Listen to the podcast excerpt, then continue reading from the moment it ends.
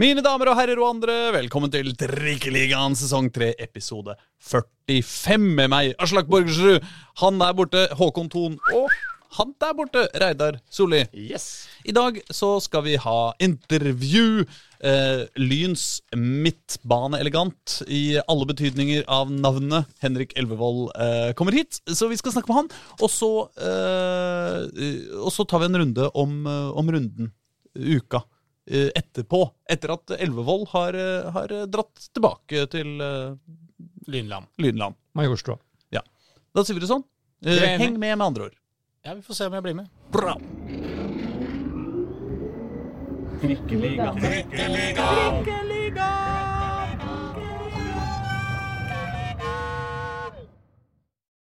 Henrik Elvevold, velkommen hit. Jo, jo, tusen takk for det. Går det bra, eller? Det går veldig bra. Ja. Dere driver skal rykke opp, og alle det er stor fest på Oslo vest.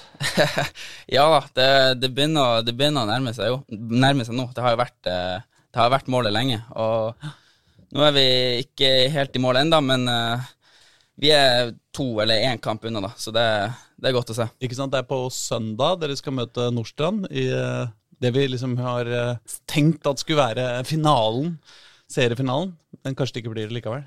Ja, nei, altså, det lå jo til rette for at det skulle bli visst i hele sesongen at den matchen kom til å bli veldig viktig. Ja. Eh, så sånn som det ser ut nå, da, så er det, trenger vi bare ett poeng der. Eh, for vår del så er kanskje det litt mer sånn behagelig å vite at vi kan gå inn i den kampen og ikke være nødt til å vinne, som kanskje hadde vært utgangspunktet hvis Altså hvis eh, tabellen hadde sett litt annerledes ut, da. Så det, men jeg tror det blir en veldig spennende kamp, og vi gleder oss veldig. Ja, for det er jo egentlig ikke noen finale i finaleforstand, i og med at det er bare ett lag som egentlig kan eh, vinne. Ja, altså Hvis Nordstrand vinner, så betyr det jo bare at man utsetter en ukes tid, liksom. De gjør det, og det er jo eh, Det blir jo ikke en ren opprykksfinale, men det blir jo enten Ja, Nordstrand kan jo prøve å stikke kjepper i hjula på oss, men Ja, ja. ja. Lyn har to matchballer. Lyn har to matchballer, og Dette er det, den skal, det er den første. Det skal forhåpentligvis godt gjøres at den ikke, det ikke går inn der. Men jeg har jo snakka med en del uh, Lyn-supportere gjennom året som har på en måte ment at eh, den eh, førstkommende søndag har et sånn digert sånn bananskallform i kalenderen. på en måte. Det, det, det hadde vært veldig typisk Lyn om dagen å, å ryke på.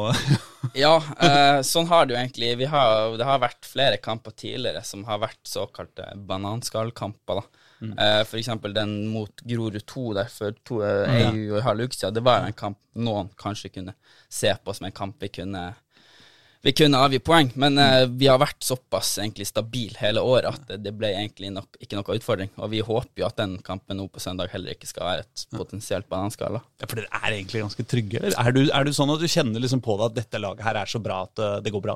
Ja, altså nå i det siste har det egentlig vært sånn. Eh, det var jo kanskje litt annerledes i starten, men ah, sånn som det er nå, eh, sånn som vi spiller fotball nå, og vi har prestert de siste kampene, så føler både jeg og egentlig hele laget føler at vi er, vi er såpass samspilt og trygge på oss sjøl at vi at det ikke, Hvis vi leverer på 100 og er der vi skal være, så skal ikke det være noe problem.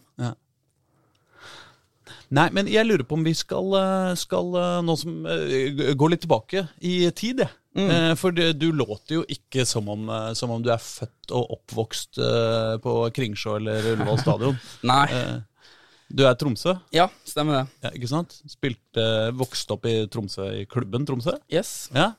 Og så flytta du, flytta du sørover. Når var det, da? Eh, ja, jeg spilte jo Begynte jo i Tromsø da jeg var seks, og egentlig spilt eh, gått gradene der helt fra da jeg var seks til eh, sist, nest siste året på, på junior. da Flytta ned hit i sommeren 2018. Så For å spille fotball, eller? Ja, det var egentlig for å prøve få noen nye impulser, prøve noe nytt. da Ja. Ja, for da er du ganske ung, da. Du er eh, 18? Det var 18, ja, stemmer det. Så da begynte jeg siste året på videregående her nede. Ja, ok. For da lurer man på hvor, hvorfor forlater man Nordens Paris som 18-åring? Ja, nei, altså, det var jo en litt uh, tøff avgjørelse, men jeg følte kanskje at det var For min del så var det riktig der og da. Det var litt lang vei opp til uh, A-laget i Tromsø. Det var et par som var foran meg i køa, og var kanskje litt utålmodig også, men tenkte kanskje at jeg ville i lengden tjene på å prøve seg her nede. da. Ja. Men tror du, hvis du, Jeg vet ikke hvem som var trener i, i Tromsø da, men tror du de tenker litt sånn Æh, han er Henrik altfor høy på seg sjøl, liksom. Tror han skal nesten, nesten å bli proff, liksom. Nei, altså det, det var Vi hadde jo en lang dialog der, og vi de var jo enige. Han juniortreneren jeg hadde da, Ola Rismo, han er assistenttrener på, på A-laget nå, og han mente jo at det var kanskje litt tidlig at jeg måtte være litt mer tålmodig. Eh, mens jeg mente da kanskje at eh, at det var på tide å prøve noe nytt og få spille mer voksenfotball. For da var vel, spilte jeg kun eh, G19 nasjonal og for Tromsø 2, som da spilte fjerdedivisjon. Mm. Men dro du ned på en måte uten noen plan videre enn at du ville spille fotball, eller hadde du prata med noen før du kom nedover?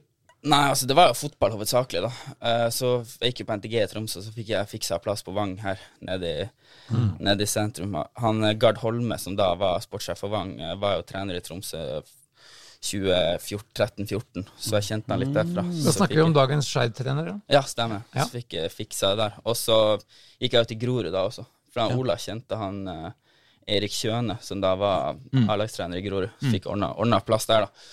Så jeg tenkte at det var en fin mulighet å, å hoppe på. Men, men visste, du, altså, visste du noe mer enn at du skulle gå på Vang da du kom ned? Ja, jeg visste jo også at jeg kom til å signere for Grorud også. Ja. Mm. Men da var det Grorud ungdoms... Eh, det var G19 eller noe? Nei, da var, det, det var A-laget. Oh, det, var, det, det, var, det var sesongen før de rykka opp til, eh, ja. til uh, Obos-ligaen. Så de lå jo i Når jeg kom dit sommeren 2018, så lå de vel på andreplass, tror jeg, i andre divisjon. Ja. Åssen funka det?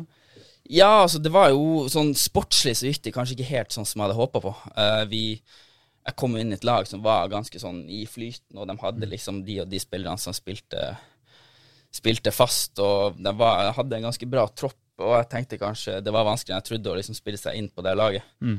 Så jeg spilte jo mest eh, Grorud 2 i fjerdedivisjon, og, og var fire-fem kamper på benken bare i andredivisjon. Mm. Eh, så jeg spilte der ut året, og da tenkte jeg at da var det kanskje bedre å finne en klubb der jeg kunne få spilt fast på et bra nivå, mm. og var bedre sånn sett å kunne utvikle seg. Ja. Så da gikk jeg til uh, Jeg gjorde litt research, og så egentlig bare på tabellen for tredjedivisjon året før. Ja. Og da hadde jeg hadde ikke så mye kunnskap om de forskjellige Oslo-klubbene. Jeg visste jo at Ullern hadde jeg spilt mot før, og, og Lyn også hadde jeg hørt litt om. Men så så jeg at Lokomotiv Oslo var vel nummer tre-fire. Så jeg tenkte Jeg ringte han uh, Arthur Garner, som da mm. var Som er og var uh, daglig leder. Mm. Var på prøvespill der i ei uke, og så fikk signert der. Ja. Og da visste du lite, like litt om Lokomotiv Oslo som eh, alle oss andre? Ja, da var det Da kom jo på Jeg eh, ble litt overraska. Kom en uh, januarkveld på, på Sognsvann der, og det var ingen garderobe, og folk kom i forskjellig treningstøy, og tenkte er det, er det her riktig? Men, men jeg litt, skjønner jo nå at det er jo litt av sjarmen, og sånn har det jo alltid vært, og sånn er det jo fortsatt. Ja. Så det var en veldig, veldig fin klubb, og en, hadde en veldig fin sesong der. Det er alltid morsomt å komme til Oslo. Altså, din, altså Geirald Meyer i Grorud, han er vel mm. også fra Tromsø? Stemmer, stemmer. Men han trodde jo Grorud lå ved Sognsvann da han kom hit. ja, ja det, er jo, det, er jo, litt større enn Tromsø, så det er jo vanskelig å ha oversikt. Det er det.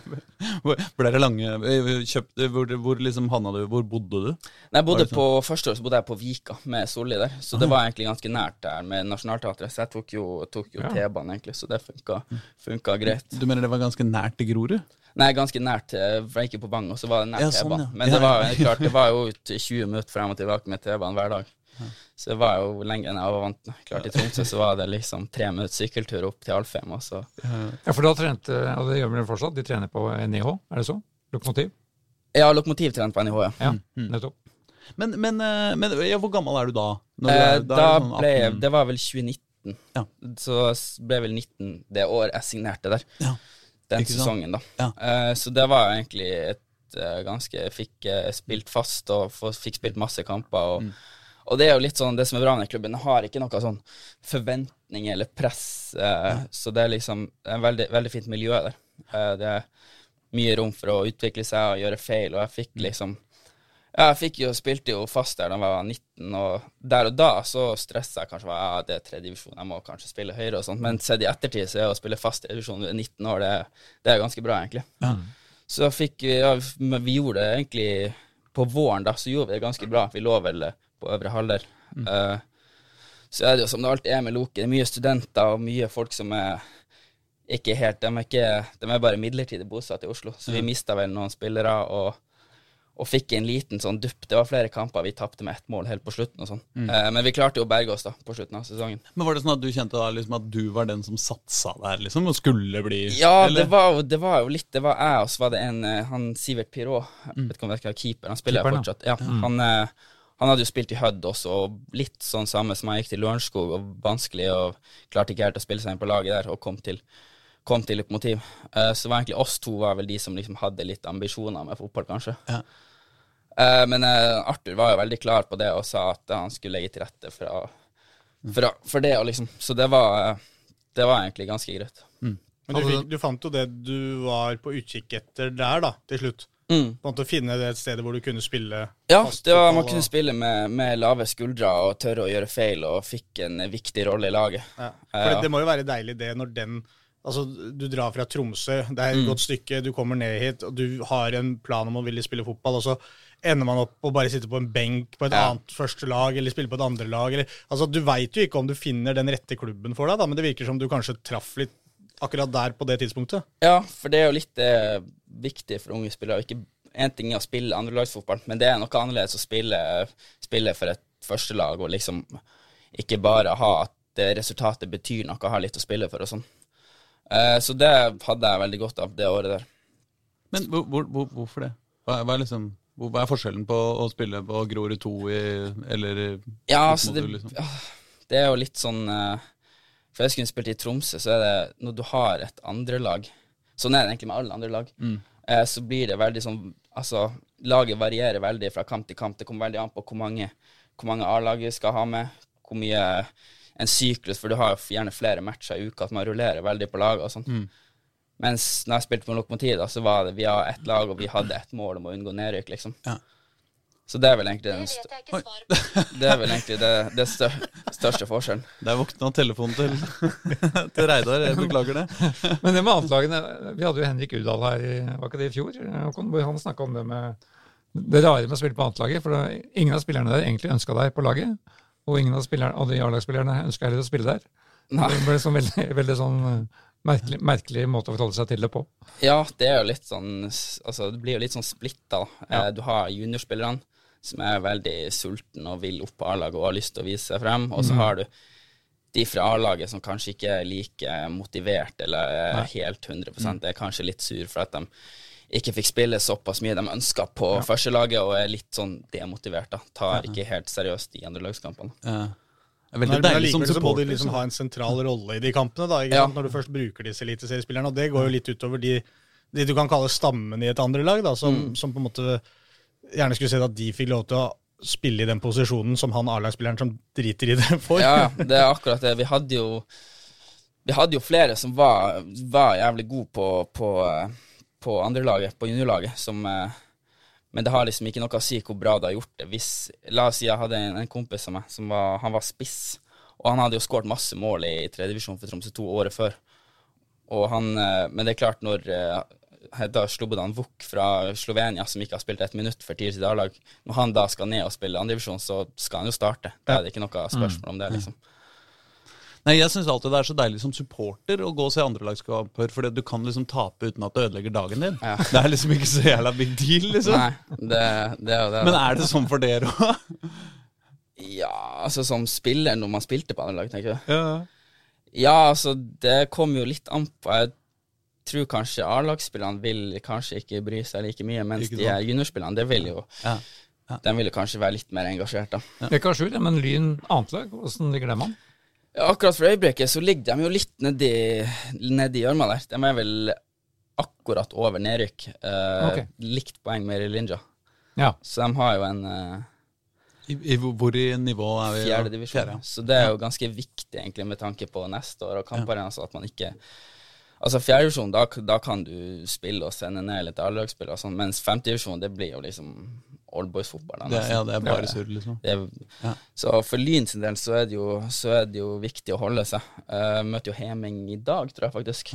Kvart over åtte. Så det blir jo en, en viktig kamp, egentlig. Heming har vi vel snakka noe om, kanskje? Men, eh, men eh, etter, etter lukket så ser jeg på, på fotball.no at du havna i, i eliteseriefutsal for Sandefjord. Eh, ja, nei, altså det var jo Altså det var jo Loke, og så Og så eh, gikk jeg jo til Lyn, da. Eh, Å, du gikk til Ja, ikke sant? Ja, du fordi vi gikk til Lyn da, ja. Spilte vel, da var vi i avdeling med Lyn. Mm. Og så Bent Inge var trener, så han gikk jo dit eh, januar 2020. Hvordan var, var det han som kom til deg, eller du som kom til han? Ja, nei, det var litt eh, Jeg husker han kontakta meg jo. Eh, Du kikka ikke på tabellen igjen, og så det ligger noen Nei, lag over da- meg på tabellen her. Kanskje jeg skal da ta lå Lyn De kom jo bare to plasser over oss, men jeg visste jo at det var en ganske stor klubb, og at det var mye engasjement og sånn. Så Ja, For Lyn hadde du hørt om. ja, da, i hvert fall etter det året der, så hadde jeg jo hørt mye om Lyn. Det var vel eneste Vi spilte jo på Marienlyst eh, med Lokomotiv. Det var snittet vel på 50 tilskuere. Så det, bortsett fra den ene kampen mot Lyn der, så var det ganske mange, og det var litt kult, da. Ja.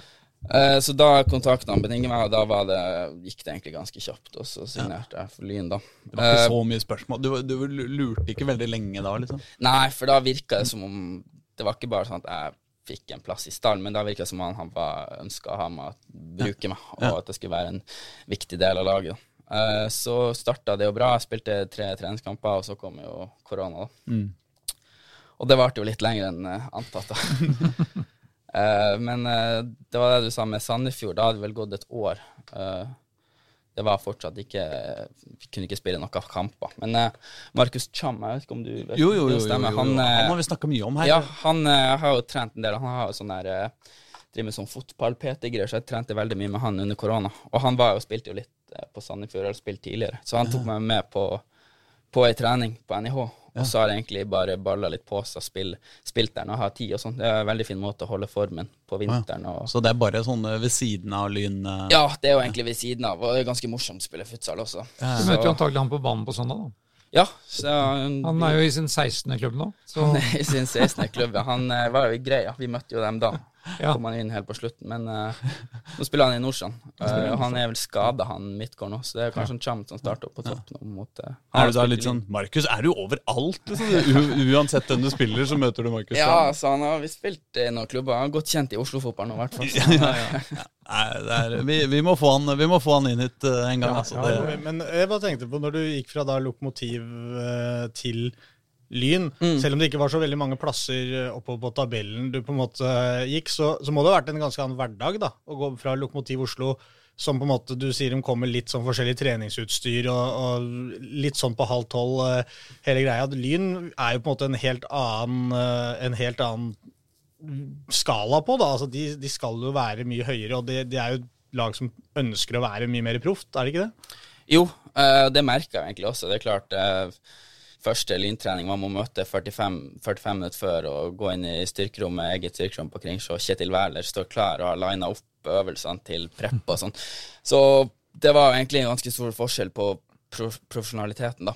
Og, og det passer egentlig meg ganske godt. Og det var litt av grunnen til at jeg også valgte å gå til Lyn. Mm, Du var litt glad for det, rett og slett. Altså, Ja.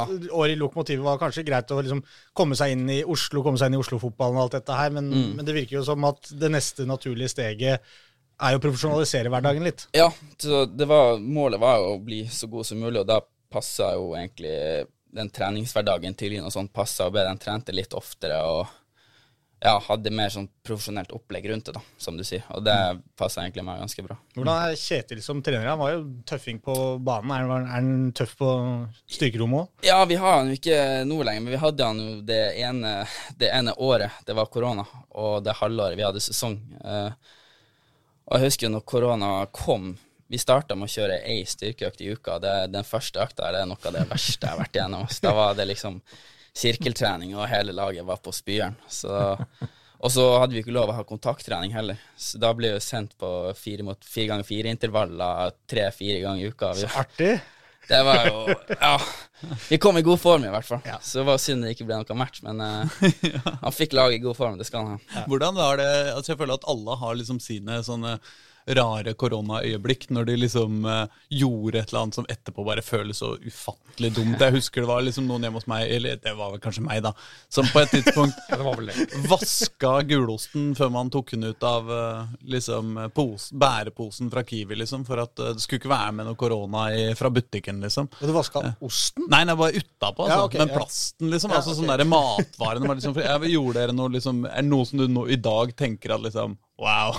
Ja, så tenker du sånn generelt, eller på fotballbanen, liksom? Nei, nei uh, Generelt, ja, det er jo mye selvfølgelig som er litt rart å se tilbake på nå, men uh, eneste jeg kommer på når det handler om korona, sånn, det er jo de her uh, For vi var jo breddefotball. ikke sant? Toppfotballen hadde vel kanskje i maks en måned de måtte trene med litt avstand og sånn. Vi hadde jo et år der vi kun møtte opp på trening, varma opp, kjørte pasningsøvelse, og så løp vi rundt banen i en halvtime, liksom. Ja.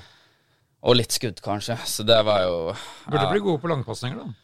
Ja, man burde jo bli god på de, på de tekniske tingene. Og, men eh, Nei, det er jo helt sykt at vi klarte å gå ett og et halvt år med, med den treninga der uten å gå lei. Men eh, vi var jo en gjeng der som var ganske motivert, og vi kom jo egentlig kom jo, Jeg følte vi kom godt ut av det. Vi fikk eh, Der og da så er det jo kjedelig å gjøre den jobben, men, eh, men i dag så har man jo dratt nytte av det. da. Men fotsalen for Sandefjord, du, du spilte ikke noen kamper der? Altså. Jo, første sesongen der så var okay. det vel Da var det bare trening. Uh, så var det mye sånn Det skulle bli kamp, og så ble det avlyst. For det ble jo nye retningslinjer flere Ja, forskjellige ganger i uka, Ja. så det var vanskelig å planlegge. Er futsal toppidrett? Uh, ja, det er jo toppidrett, Ja, men sånn det samtidig kunne- så var det sånn at du kunne ikke Hvis du skulle spille, så kunne du ikke Da kunne jeg ikke trene med Lyn, f.eks. Da måtte ja. du være i den treningsgruppa, så det var litt vanskelig å kombinere sånn. Så den første ordentlige sesongen jeg hadde med Sandefjord, det var jo 2021, etter det ble liksom Ja. Nei, da. Du, vi har Sånn, det er sånn folk i Tromsø de driver med futsal. Er ikke Geirald er ikke han også gammel uh, futsalspiller? Er Jo, han han spiller på- vel fortsatt, tror jeg, på Ja. Sandfjordland. Han spilte i hvert fall i fjor, Ja. så jeg regner med han ble å spille i år også. Ja. Jeg har, alltid tenkt at han har jeg veldig lyst til å se i futsal. Bare fordi når du ser Geir Almeier, så er ikke det første du tenker at han er sikkert en futsalspiller. fordi sånn, Jeg har ikke sett mye futsal, men, men jeg vet hva det går ut på. Og du ser for deg litt tekniske, rappe vendinger. eh, ikke sant? Kortpasningsspill, eh, kombinasjoner. Ja, men han er ganske egentlig ja, kjapp, eh, god med beina. Han er stor og sterk også, det kan jo være en ganske stor fordel i futsal. Og han har jo spilt, han har spilt veldig lenge også. ja. Han har spilt sikkert fem-seks år. For Jeg, det det, altså, jeg tror jo han er ganske god i det, men det er bare det jeg har lyst til å se det, på en måte. Ja. Du får sjansen, Håkon. Du skal få sjansen. Ja, ja, jeg tror det. Spørsmål, Aslak? Ja, vi har, Vi har så, så mye. Vi har ganske, ganske mye spørsmål. Uh, men jeg, jeg må bare, bare altså liksom før vi, før vi begynner med dem, så må jeg bare Altså, hva er greia mellom deg og, og Bastionen og Lyn? Eh, Altså, de, de virker jo som de er altså hodestups forelska i deg, hele gjengen. Er det Når skjedde det? Er det gjensidig? Hva er det liksom noe Si at det ikke er gjensidig. Det er koselig. Nei, ja, det vil si jeg gjensidig. De har jo Det var liksom Jeg visste jo om Bastion før jeg, før jeg signerte i Lyn, og var en av grunnene til at jeg signerte der også. Eh, men så var det vel eh, Det var vel ja, Jo, hadde jo gode prestasjoner i fjor, og og vi har hatt Jeg kjenner jo et par av dem personlig også, så har det egentlig bare balla litt på seg, da. Mm. Det syns det er veldig kult. Ja. Nei, for vi kan jo begynne Vi kan jo begynne Altså, alle spørsmåla handler egentlig om at du er kjekk. eh, på den ene eller den andre måten. Ørt, for eksempel. Jeg tror det er en som heter Ørjan Sandvold. Ja, stemmer. Eh, er, det, er det en av de du kjenner? Nei? Ja, han kjenner. Han er Ja, vel ja. eh, forsanger i Bastionen. Ja, ikke sant? Eh, han har noen andre spørsmål også, men, eh, men så spør han har han så dra draget på damene som det ser ut som. Og da lurer jeg på, har du det? Ja, altså det vil- er jo vanskelig å uttale seg, men jeg går litt av og på. Noen ganger har man det, noen ganger har man det ikke. Eh, Det er liksom på fotballbanen. litt sånn på fotballbanen. Noen ganger så lykkes man, noen ganger lykkes man ikke. Men går du ofte aleine hjem fra byen eh, på eh, Hva heter disse stedene? Lyn, lynstedene? Nei, altså det er vel ikke noe fast Nei, altså, jo, som ofte. Highbury er det Highbury. Ja, Highbury er vel Arsenal-pub, det er ikke det? Ja, det var jo altså. Lyn i gamle dager. Ja, det var kanskje. Ja, jeg tror det. Jeg vet ikke åssen det er nå. Ja, altså det er jo litt uh, Nei, som regel går jeg vel hjem alene. Det må jeg jo egentlig si. Jeg Skal ikke skryte på meg noe mer enn det. Ja, eh, ja, nei, men vi, vi, vi uh, Altså, Kasper Hoftvedt spør hvordan er Henrik Elvevold så tan? Ja, nei, det er jo et godt spørsmål, men eh, det er jo Det er vel ikke så godt spørsmål, egentlig. Det er, det er vel bare ett logisk svar Ja. på det. det er, Jeg bor jo på Majorstua, de har vel en tre-fire brun og blid der, så har det blitt noen, blitt noen turer innom der. Ja, For det er egentlig det som er spørsmålet. ja, ja, ja. Er det brun og blid, eller er det Ja, eller er du mye på ferie? eller, ja. Ja, jeg var egentlig i sommer, da, men eh, ikke sånn veldig mye ellers utenom ferien. da. Kan svare jeg har anlegg for det. Ja, er gode gener. Eller betakaroten, er det ikke det han driver med? Jeg vet ikke. Um, nei, men um, tilbake til de andre spørsmåla, Ja. til, eh, i hvert fall til Ørjan. Han spør hva ønsker du å oppnå med fotballkarriere? Ja, det er et godt spørsmål, men uh, altså, svaret på det er at jeg ønsker å bli så, så god som mulig. Uh, og en dag spille både Eliteserien og også prøve å håpe å spille i utlandet en gang. Hvor uh, vil du til utlandet? Nei, altså Det er jo topp fem-liga da, som er målet. Spania, kanskje. England, selvfølgelig. Spania, ja. Hva skal vi si er spisskompetansen din, da? På banen Ja. Ja, jeg vil si det er å dra spillere, skape ubalanse, eh, skåre mål. Ja. Ganske målfarlig til å være midtbanespiller. Bra, bra skuddfot. Ja. Mål er ganske etterspurt i denne bransjen her. Ja, det har jeg hørt, ja. hørt rykter om det, også i, også i Spania. Men er det noen klubb? liksom, hvis, du, hvis du får velge jeg mener nå, nå, Alle mener selvfølgelig på det høyest mulige nivået, Ja. men eh, det hender jo at det banker et ekstra hjerte for noe også.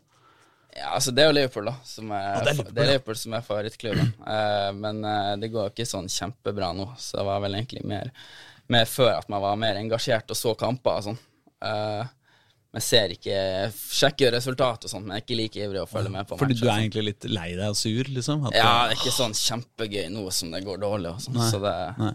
Er bra det går bra med Lyn i hvert fall. Ja, de, og de trenger jo kanskje først og fremst noe eh, defensivt. De skårer jo egentlig nok mål, det, De, de skårer nok mål. Det er vel mer, mer bakover det trengs ei hjelp der. Ja, ja. Ja, for Ofte så kan det jo være en fordel eh, hvis, hvis, de, hvis de rykker ned til championship, eksempel, så er det større åpninger, kanskje. Det er Men jeg, jeg kommenterte jo eh, I helga kommenterte jeg Real Sociedad mot Villarreal. Det er vel topp fem-liga. Villarreal de har bare skåra ett mål på de fire siste seriekampene sine. Der trengs det Der mål, trengs så kanskje via real Via Vi er reale for en klubb. De spiller i hvert fall eh, bra fotball, så det har vært fint å spille der. Skal ikke legge skjul på det. Da legger vi inn et godt ord der. Der trengs det litt elvevold, vet du. Ja, prøv, prøver vi der. Bare få Lyn opp først, da. Ja. Ja. Ja. Har du litt bakgrunn om spillerne du skal komme til også? Det hadde vært, vært greit. Hvis han, hvis han spilte det med. Ja, ja, kjempefint for meg. Ja. Ja, ja, ja, absolutt. Mye enklere. Det er, jo, det er jo derfor vi har denne podden, selvfølgelig. For å, for å kunne si at vi satt med Henrik Elvevold da han øh, bare spilte i Lyn.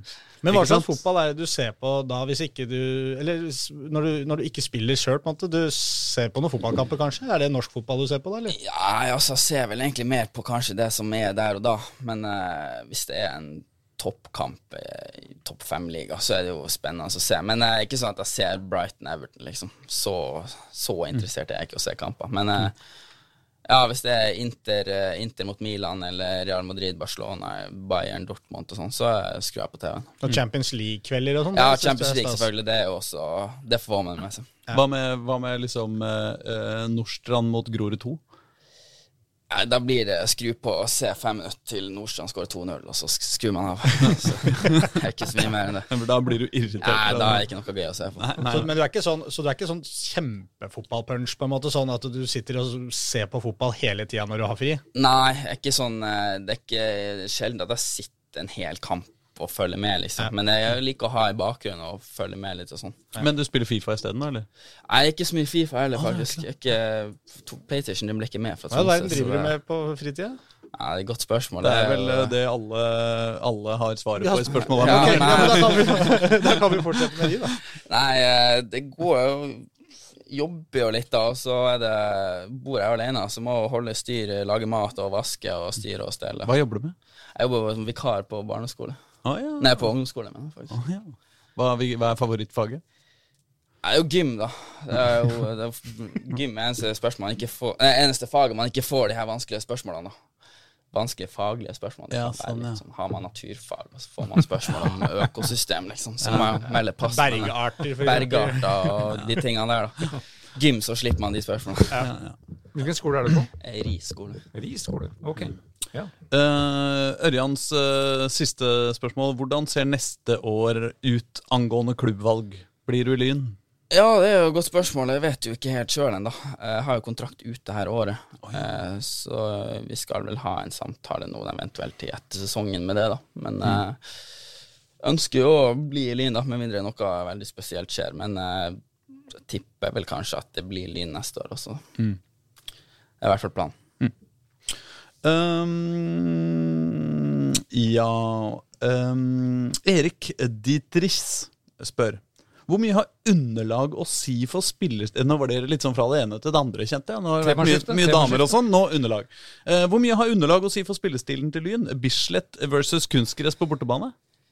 Uh, ja, den har jo litt å si, egentlig. Det er ikke til å legge skjul på at vi har våre beste kamper har vi jo spilt på, på Bislett. Uh, det går jo egentlig ikke bare på underlag, men også litt banestørrelse og sånn. Den Den er smal, da.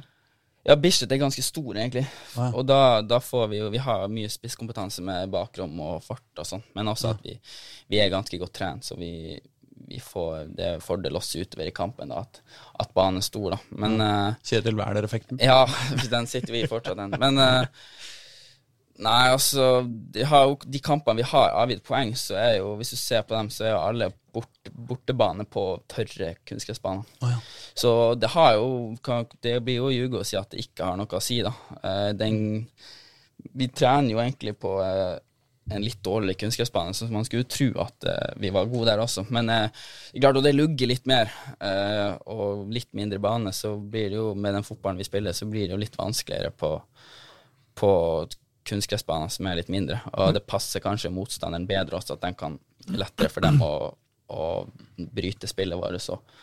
Men du skulle, trodde, skulle tro det var motsatt uh, på en måte også. Altså, mener du, Spesielt for deg, da, som Ja, drible midtbanespiller. Det er Ja, moro det- at det er litt trangt og sånt, Ja, ikke? det er jo det. Det er jo litt sånn vanskelig å si, da. Uh, men etter, so etter sommeren så har vi Det kan jo ha, ha med å gjøre at vi før sommeren og vi, at vi ikke var kanskje helt like samspilt som vi er nå, da. For i det siste så har vi jo egentlig tatt poeng uansett bane og sånn. Så det kan jo være at det går på, på, på at vi er blitt bedre, et bedre lag også. Trenger ikke kun å være banen, liksom. Men Trener dere aldri på naturgress?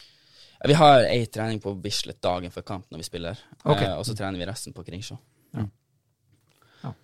Men eh, ja, på så svaret på spørsmålene, så kanskje tidligere i sesongen så ville jeg ha noe å si underlag, mens eh, nå så har det egentlig ikke så mye å si. Men det er like mye størrelse, eller? Som er liksom Ja, altså sånn som mot Frøya, at jeg har kanskje minst i Norge, da, da har vi poeng, og da var det fordel dem, da. Det var lettere for dem, for de er kanskje litt dårligere trent, og lettere for dem å, å forsvare mål og sånn, jo mindre bane. Det burde vært sjuerfotball der. Ja. Nierfotball. Nierfotball, ja. Ja, det var jo også et spørsmål fra Jonny Normann Olsen. Har du noen gang spilt på en mindre elvebane enn Frøya idrettspark? Uh, nei, altså spilte vel på Det var et lag i Tromsø som heter Hamna IL, og de har jo eh, kanskje en, Den var så liten at den ble ikke godkjent som elvebane, så det telles kanskje ikke. Men uh, bortsett fra det, så må det være Frøya. Men hvis du spilte en elverkamp på den, så Spilte en elvekamp der, ja. Det er jo mye, det er jo mye unntak og uh, hva heter det? Eh, Spilte, altså, ja. spilte Det var vel gutte 15, da spilte vi elvekamp der. Men uh, nå er den ikke godkjent lenger som elverbane elvebane, så da har de til ham. Han rykker opp fra fjerdedivisjon til tredje nå, faktisk, i Troms. Uh, men uh, de får ikke spille på den banen. Nei. Men det er en fordel å ha litt rare baner, sikkert.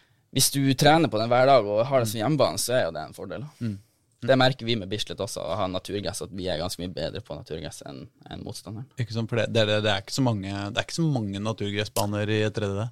Det er ikke det. Det er vel kun eh, Bislett. Også i fjor møtte vi vel Stord. Det er vel det eneste jeg har spilt på. er du, glad, er du glad for at dere spiller på gress? Ja, jeg synes det For min egen del så syns jeg det er veldig artig å spille på gress. Villareal spiller på gress, ikke så det er en fordel å ha.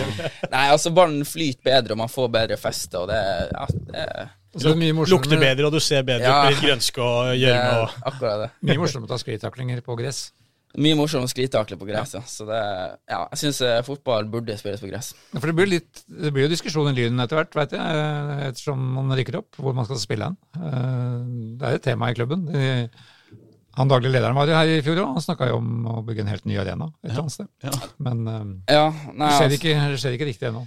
det var kanskje en av Det var vel Bent Inge som sa det i fjor. Altså største tabben han gjorde som lyntrener, det var å spille Kringsjå foran Bislett den 2021-sesongen.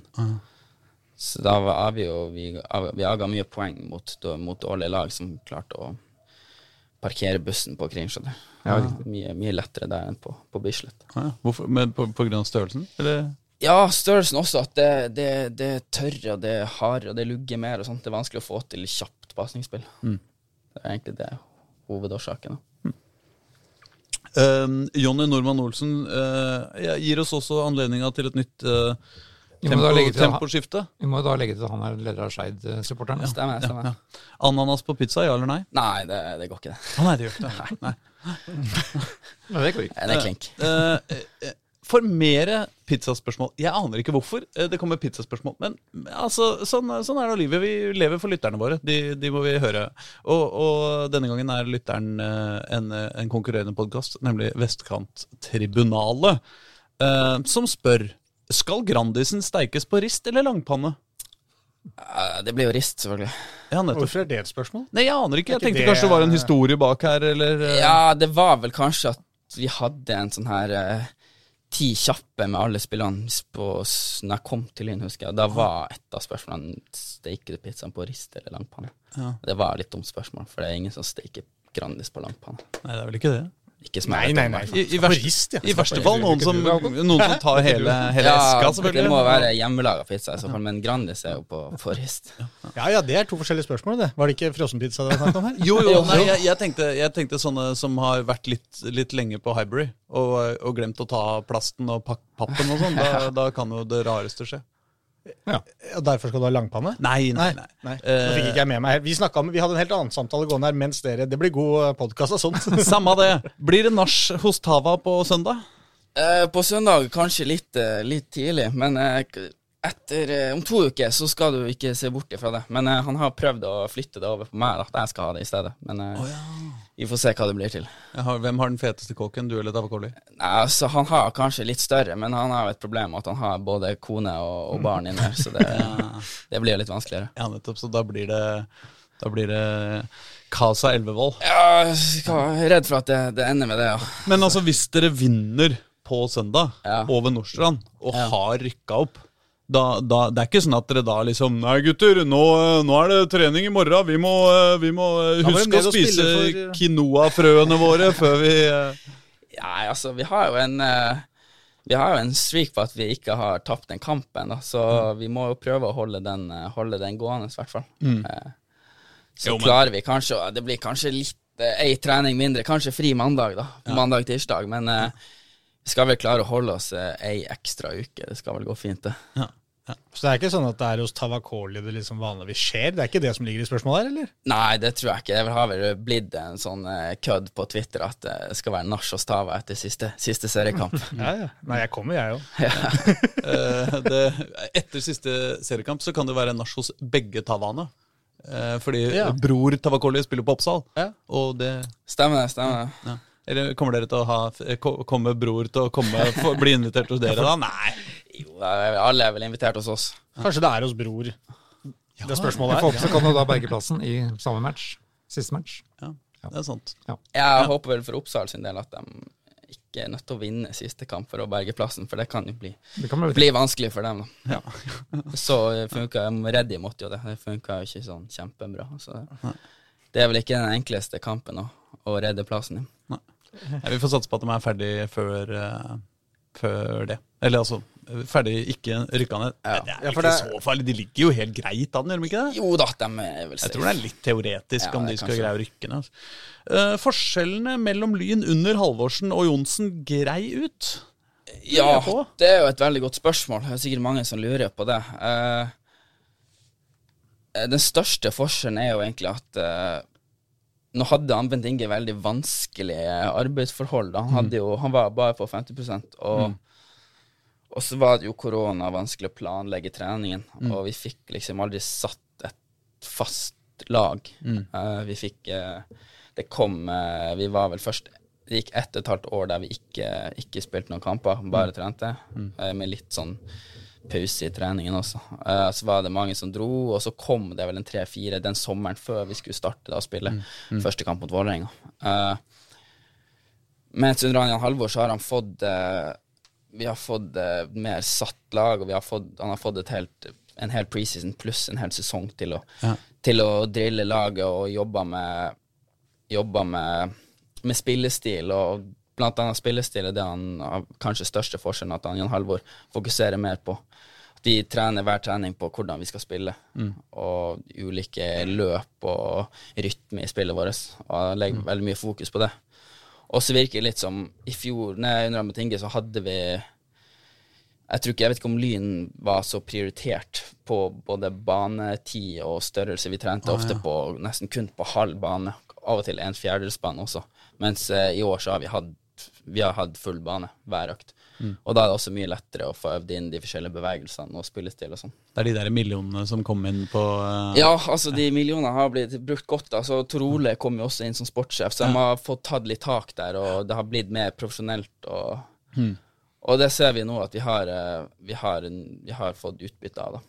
Hvor mye er Tor Ole på, til, til stede? Eh, altså, han var vel 20% var litt sånn fleksibel, men han er jo Han har, tok seg litt tilbake nå. Han fikk jo den jobben i, i uh, Viasat, eh, så mye reising til England og sånn. Så han Glenn Hartmann har tatt over som sportssjef nå. Ok. Så hvem er det du dealer med? Er det Glenn det, da? Nå er det vel Glenn Ja. som, eh, som har ansvar for det. Da. som skal finne ut om du får, får være med videre? Ja, det er jo han. Han har en halvår som må bestemme det. Altså, det er jo sånn i eh, store klubber at uh, draktsalget påvirker jo økonomien litt. Jeg regner med at uh, Elvevoll-drakta er blant de mest, uh, mest populære. kikke på de tallene, ja. Hvor mange du har solgt. Ja, ja. Ja. Men jeg lurte på, Jan Halvor, er han, er han så koselig og snill som han virker?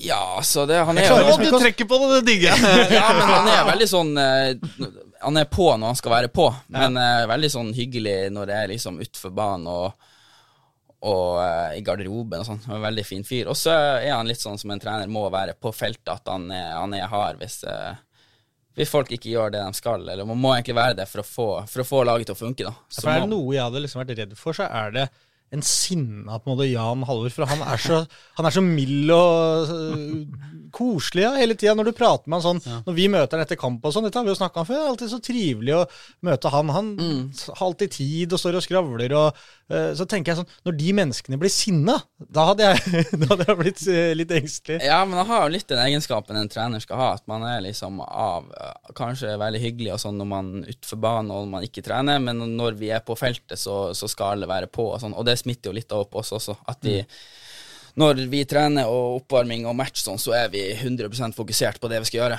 og så kan vi heller ta alt det andre etterpå. Hva er det frekkeste han har sagt til deg når du har vært litt slapp en dag? Eh, nei, altså, nå kommer jeg vel ikke på noe i farta. Men er han drøy, liksom? Nei, han er ikke så veldig drøy, men han kan vel dra litt på stemmebåndet, så da strammer han seg opp, i hvert fall. Men han egen evne til alt hva de blir, da. Altså, jeg husker, en av de mest minnerike kampene i år var den kampen på Grefsen stadion. Eh, til 2-2. 2-2-kampen mot Kjelsås annet lag i et fantastisk regnvær. og da så jeg han komme ut til omgang der, våt som en katt. Han hadde ikke giddet å skifte i pausen, selvfølgelig. Han var jo helt, helt gjennomblaut. Like blid. Det lå vel under 0-2, tror jeg. Ja, stemmer. Ja, nei, ja, altså, det er jo Vi har jo ikke tapt den kampen, da, så det er jo uh, lett å være blid, da. Lede, lede med fem poeng og på vei mot opprykk. Um, uh, Vestkanttribunalet spør videre. Hvordan hadde Lyn, prestert, uh, Lyn 2022 prestert i andredivisjon 2022? Uh, ja, det er jo et godt spørsmål. Jeg tror egentlig vi hadde prestert ganske bra, tatt i betraktning de lagene som i fjor rykka opp. Du ser både Gjøvik-Lyn, uh, Treff, ligger på øvre halvdel i, i, uh, i andredivisjon. Og jeg tviler på at uh, de er noe bedre lag enn det vi er. Uh, og du blir jo litt sånn Du blir Altså, du blir eh, Du klarer å tilpasse deg til tempoet. Ja. Så selv om vi møter lag som er kanskje litt bedre, så vil vi også bli bedre av å møte dem. Unntaket er Frigg, da, som, som, Ja. som rykka opp. Men, men de har jo, i hvert fall det lille jeg har sett, hatt fantastisk uflaks. da. I- Ja, de har altså Frigg, det er jo litt sånn unntak, kamper. da, for det resultatet lyver jo litt, kanskje. De dominerer jo noen matcher nesten på samme grad som de gjorde i fjor, Eh, men eh, det er klart de er ikke like klinisk foran mål, og Nei. det har jo straffa dem i år, men altså, jeg tipper de rykker ned, og så rykker de rett opp igjen. Eh, hvis de spillerne som er der, blir, for de er, de er såpass gode i banespill. Spilte du den kampen Frigg-Lyn 5-0 i Jeg spilte fjor? dessverre den kampen, ja. Så det var, det var ikke noe gøy, det. Var det starten av det var, Det Dere var hadde en fryktelig start i, i Ja. fjor, hadde dere ikke det? Var det ikke Vi- da dere bare tapte og tapte? Jo, og tapte? vi spilte jo starta med å spille uavgjort mot Lydsklotter, som vi trodde var ganske bra, for de skulle liksom konkurrere med oss om opprykk. De holdt på å rykke ned. Eh, Spilte vi 1-1 hjemme mot Årdal, Eh, og så spilte vi en tredje har gjort det. jeg husker ikke hvem det var. Så vi starta veldig dårlig. da. Eh, så kom vi oss litt i gang, da. Eh, vi vant vel en fire på rad.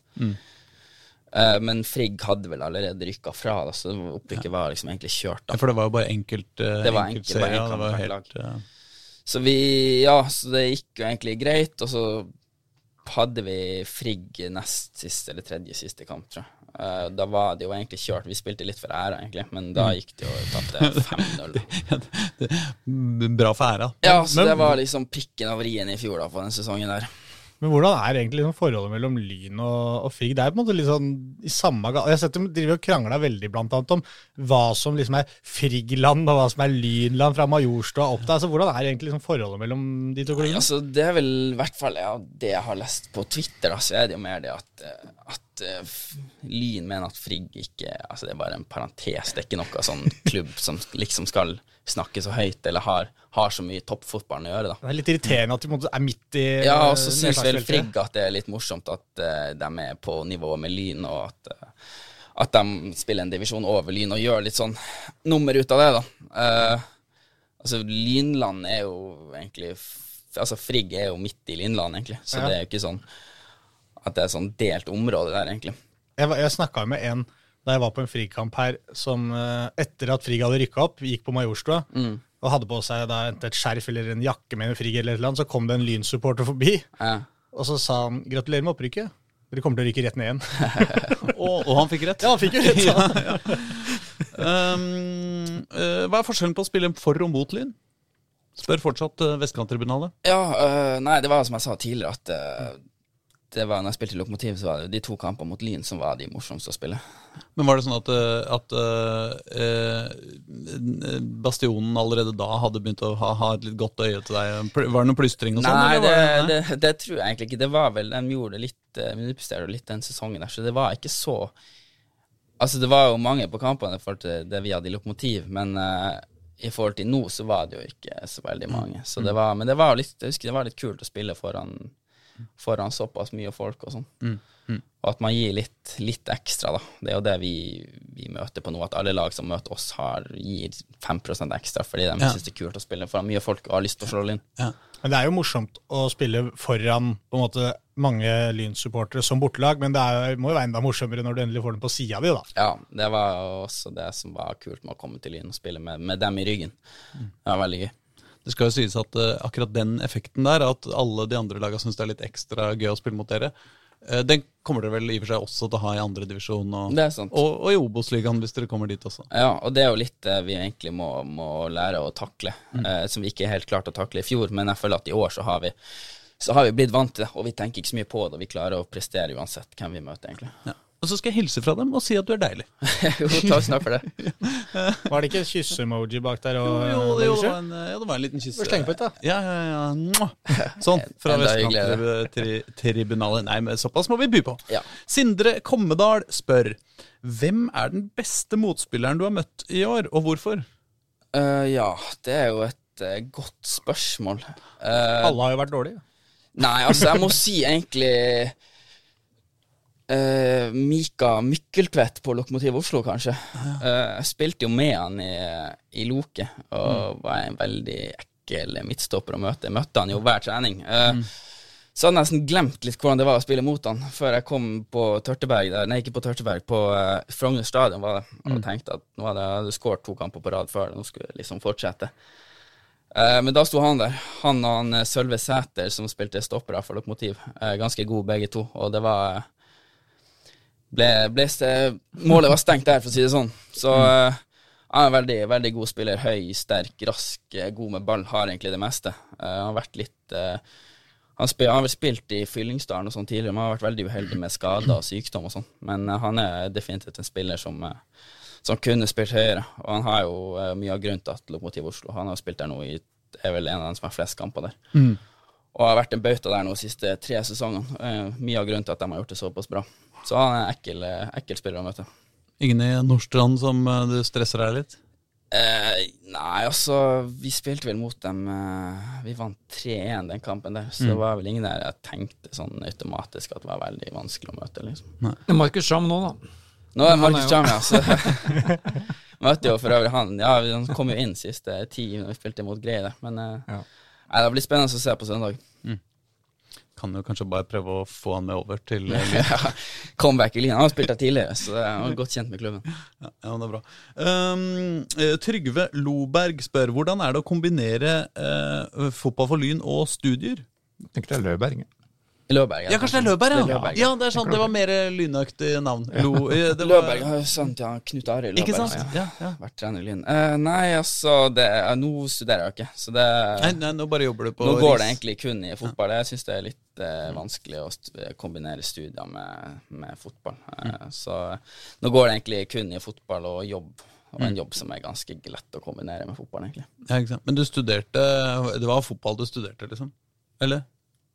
Ja, hva tenkte jeg på? på Nei, altså da, det, det var når du kombinerte Da du kombinerte uh, fotballen med studier, var det liksom et, ja, et eller annet fag, eller var var var det? Nei, det var ikke, jeg har ikke gått på noen skole siden jeg nei. VGS. Nei, det er videregående, ja. Ja. ja nettopp. Og det, og det er sånn idretts... Uh, Ja, det var Ja, så det ja, har ikke frista så mye med skole Nei, etter nei. det. Det ble ikke noe X-Fill eh, på deg. Det ble ikke noe X-Fill, nei. Nei. Spørs om det kommer til å bli det heller. Men vi får se. Um, Joakim Andersen Joakim W. Andersen uh, spør eh, Tar du en sesong til i Lyn. Uh, det har du jo på en måte svart på allerede. Uh, men også, hvor stor er nivåforskjellen mellom andre og tredjedivisjon? Det er jo vanskelig å si for meg, altså. jeg har ikke spilt så mye andredivisjon. Men det er vel at tempoet er høyere, og at generelt bunnivået på lagene er mye høyere. Så det vil ikke være så stor forskjell mellom førsteplassen og sisteplassen. Ja. jeg. Men jeg, jeg bare oversetter spørsmålet Ja. for deg. Eh, kommer dere til å rykke opp fra andredivisjon til neste år? Eh, Det er jo vanskelig å svare på, da. Eh, De har vel sagt at målet er vel å etablere seg først en sesong, og så rykke opp sesongen etterpå. Men eh, vi får se, da, hvis vi Det er jo en mulighet. Vi skal aldri si aldri. Men vi får ta det litt sånn det kommer.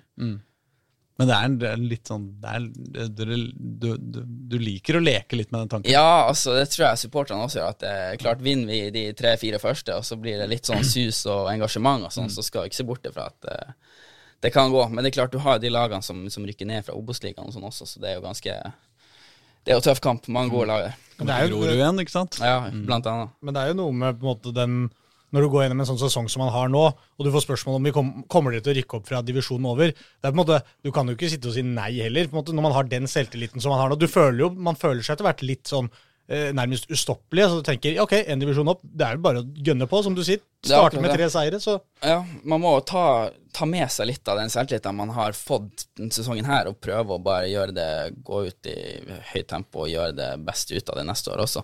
Så man skal aldri si aldri, men eh, vi får ta én kamp på gangen. Hvis dere hadde spilt Eliteserien denne sesongen, hadde dere jo kunnet kjempe i toppen da, vel? Men Hadde spilt på Bislett, så Ikke sant?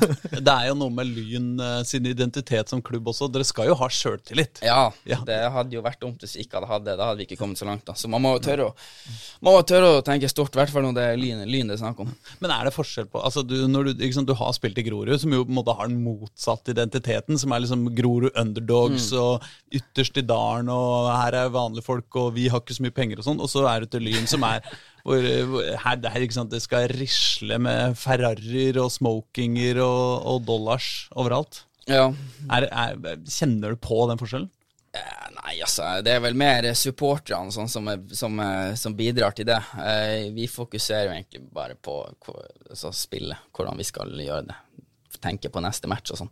Jo, Så- men det er jo noe identitet, liksom, er det ikke det? Altså, det er jo litt, med det og kanskje litt sånn her Det var vel kanskje mer tidligere at det var Det er vel mer dem på, på Twitter som er og tar, tar, tar ansvar for det, Ja, ja. mens vi sørger for å vinne matchene. Men det er ikke noen forskjell på spillergruppa heller, liksom? Eller sånn? Nei, altså det er jo veldig Spillergruppa er jo veldig Altså, de kommer jo ikke fra Oslo vest, hele gjengen, liksom, så det er jo litt sånn spredd, da. Så ja, men når jeg spilte i Grorud, så var jeg ganske ung, da. Da var det veldig mange som var litt eldre enn meg, så det er litt vanskelig å sammenligne. Ja, ja. Kjenner du du, snu, du vrir deg litt unna dette? Er, det, er, det, er det liksom litt sånn ubehagelig? Det, Nei da, det går fint, det. Å, Apropos penger, Jan. Du, du har jo en egen sponsoravtale med, med slekta di, med mormor. ja, du har fått med deg det? Ja, ja. Uh, Ti mål, er det det? Jo, stemmer det. Men er det gått konkurs nå, eller? Går det bra? 1000 kroner per, per mål, er det ikke det? ja, så nå har jeg jo ikke skåret på de siste tre, så må ha vel uh, henta seg opp igjen. her, Spart opp litt. spart opp litt pensjon, så det, det altså, skal vel gå greit, det. Bestemora di gir deg 1000 kroner per mål du skårer? Ja, og farmor har vært jo veldig ivrig og ser hver kamp og ringer og følger med, så det er veldig morsomt. Så hun, eh, så hun tror hun er den som blir mest glad når jeg skårer mål. Ja, så er det 10 000 skattefritt til, noen, da. Det er klart, 10 000 skattefritt, det hjelper, hjelper på, det. Ja, ja, ja. Men hvis det er sponsor, så burde dere på en måte få vist det fram på en eller annen måte. Burde ha en T-skjorte det står bestemor og farmor på, eller eh, brodere den på skoene kanskje, eller et eller annet sånt. Ja, man skulle kanskje gjort det. Peka der neste gang man skåret. Ja. Farmor, Ja, det skulle du tattis over, farmor tattis over hele kassa, så kan du dra Ja, opp litt eh, skjorte under, bare. Ja. Ja, nei, det, det syns jeg høres bra ut. Um, Ka- Jarl Cornelius eh, spør Husker du veddemålet han var så dum Altså, eh, jeg, jeg skriver det sånn han sa det, Ja. men uh, husker han veddemålet jeg var, så, var dum nok til å inngå med han på Bastionen kickoff i vår? Hvis ja, faen. Hvis nei, smooth. Nei, Jeg leste bare det spørsmålet rett før jeg gikk inn her, og jeg, jeg husker at vi gjorde et eller annet veddemål, men jeg klarer faktisk ikke å huske helt detaljert hva det var for noe. Ja, smooth. Så det var det. Så jeg, jeg husker han hadde en sånn her eh, Jeg var litt overrasket han sa for han hadde en dårlig sak. Det var Hvis vi rykka opp, så skulle han Det var et eller annet som, som jeg gjerne skulle huska på nå, men jeg klarer ikke å komme på det. Fordi han var pessimist, liksom? Ja, han var litt Han var, han var ikke virka, Altså, han hadde jo trua, men eh, han ville jo vel ta det som en bonus hvis vi rykka opp, da. Ja. Så uh, smooth for han, da. Ja. Jarl. Så han var heldig der. Og du som har arva litt den kjepphøye lynmentaliteten, du var selvfølgelig da rett på at Jo, jo, det, vi Ja, ja, skal var rykke opp. Det er klart, da, da var det så klink at vi, vi går opp. vi. Du er ikke tynget av det supporternes eh, historie med klubben, som har gått sklidd på bananskall eh, år etter år. Nei, altså, det var jo før min tid i Ja, klubben, så det kan ikke assosieres med den. nei. Nei, det, det, nye- ikke skjønner ikke hva de prater om. Nei, nei, nå er det nye, nye tider. Ja, og det er jo der det er jo, det er jo på en måte Hvis vi skriver 11-volt-tabellen? Det, det, det, det er det de skal gjøre i Lyn nå Ja. framover. Kanskje, det er den han skal ta, kanskje var det han skulle tatovere på kroppen hvis Lyn rykka opp? 11-volt-tabellen. Ja, Hele ryggtavla med 11-volt-tabellen. skulle tatt seg ut det. Men Jarl får forhåpentligvis en ny sjanse på, eh, på eh, neste kickoff. På neste kickoff, ja, så skal jeg skrive ned på notater hvis det kommer noe som jeg klarer å huske. Men jeg skal, jeg skal, jeg skal spørre han, så skal jeg se om vi får gjort en avtale der. Om jeg får kanskje halvparten av det han hadde lovd hvis vi gikk opp, da. Ja, hvis, det er, jeg ikke husker det. hvis det er en tatovering, så er det kanskje ja, det var vel ikke. Det var vel et. Han skulle kjøpe et eller annet, men jeg kommer ikke på det nå. Ehm, jeg uh, Jo, uh, Nils C. Det Lange. Mye gode lynnavn her, må jeg si. um, uh, sp spør. Mye god historie om populære nordlendinger i lyndrakt. Et par blad Berg, Jonny Hansen, Rune Isaksen, Bjørn Lidin. Hvordan ser du på framtida, og hva er ambisjonene med Lyn i nær og fjær, fjern framtid? Nei, altså, det er jo litt det som jeg har svart på, på tidligere. Men jeg ønsker jo å spille i Lyn eh, neste år også, og, og ta Lyn opp eh, nå en divisjon og gjøre det så bra som mulig, egentlig.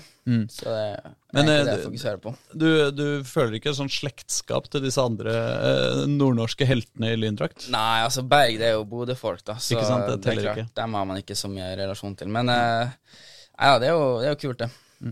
Det er jo også fordel. Du som er vokst opp i rødt og hvitt Ja, det er allerede. klart. det, det var lett. lett for øyet å se. Hadde vært verre om du skulle dratt til Lillestrøm eller er eh, et eller annet. Eh, Man holder seg i rødt og hvitt. Det blir ikke, blir ikke gult. Men jeg vet jo at Lyn-supporterne er veldig eh, Nesten alle supportere er det, men Lyn-supportere er eh, veldig glad i drakta si. De syns jo det er den fineste drakta i hele verden, men er den, hvem er finest? da? Tromsø-drakta og Lyn-drakta? Nei, altså De var jo ganske lik, det er jo vanskelig å si. Men uh, nei, altså, må vel uh, Er vil likt, da, kanskje. Ja, ok. Hvis du, hvis, du, hvis du tenker sånn, ikke følelsesmessig på en måte, Ja, men sånn- bare sånn bare rent, rent sånn- estetisk. Ja, det, altså, nå har jo Begge lag har litt sånn variert fra, fra sesong til sesong. Jeg syns den lyndrakta vi hadde i fjor med kragen og sånn, den er egentlig litt finere enn den vi har i år. Så akkurat i år så syns jeg Tromsø-drakta er finere. Ja. Men den lyndrakta vi hadde i fjor, den var veldig fin. Synes Med ordentlig krage, ja. Ja, det var er, sånn krage. Og så er den her hvite har blitt mye smalere i år, så litt sånn mørkere rødfarge. Så okay. syns den i fjor var finere, egentlig. Men Betyr det at hvis eh, eh, du ikke får ny kontrakt eh, for 2023, eh, så må du finne en annen rød og hvit eh, klubb? eh, Med, krage. med krage. med krage? Med krage. Det blir Koffa, da, kanskje? Ja, den er nesten lik. Lyn. Ja. Fredrikstad. Ja. Ja, hvis de rykker opp i Eliteserien, så er ikke det noe, noe dårlig eh, løft. Nei, det er klart, men uh, Nei da. Det Koffa de er- gjør det jo bra, dem, så det er jo kult. Nå er vel Stabæk som tar kanskje den plassen der da, i Eliteserien, men eh, det er kult at Koffa gjør det så bra.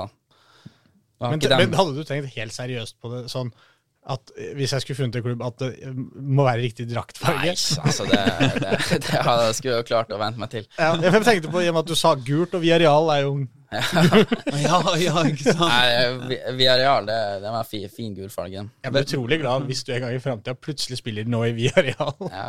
Det hadde vært stilig. Hva er den øverste, hva er den beste klubben med røde og hvite drakter i Spania? Rød og hvite. Mm. Bilbao, Sevilla Madrid, Atletico Madrid. Atletico Madrid, selvfølgelig. Det er flere gode. Ja, det er mange muligheter eh, også for din framtid. Bra.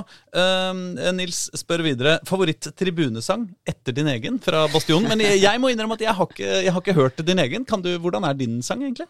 Eh, min sang? Nei, altså, du får komme på neste match, så får du høre. Jeg kan ikke, kan ikke synge den her, men uh, får komme på kamp, så får du høre den. Det er ganske bra, egentlig. Det blir avsunget på søndag på Nordstrand, antagelig. Forhåpentligvis. Ja, kan du gi noen nøkkel, noen stikkord hva, som, hva inneholder sangen? på en måte? Det er jo melodien til Volevo av ABBA.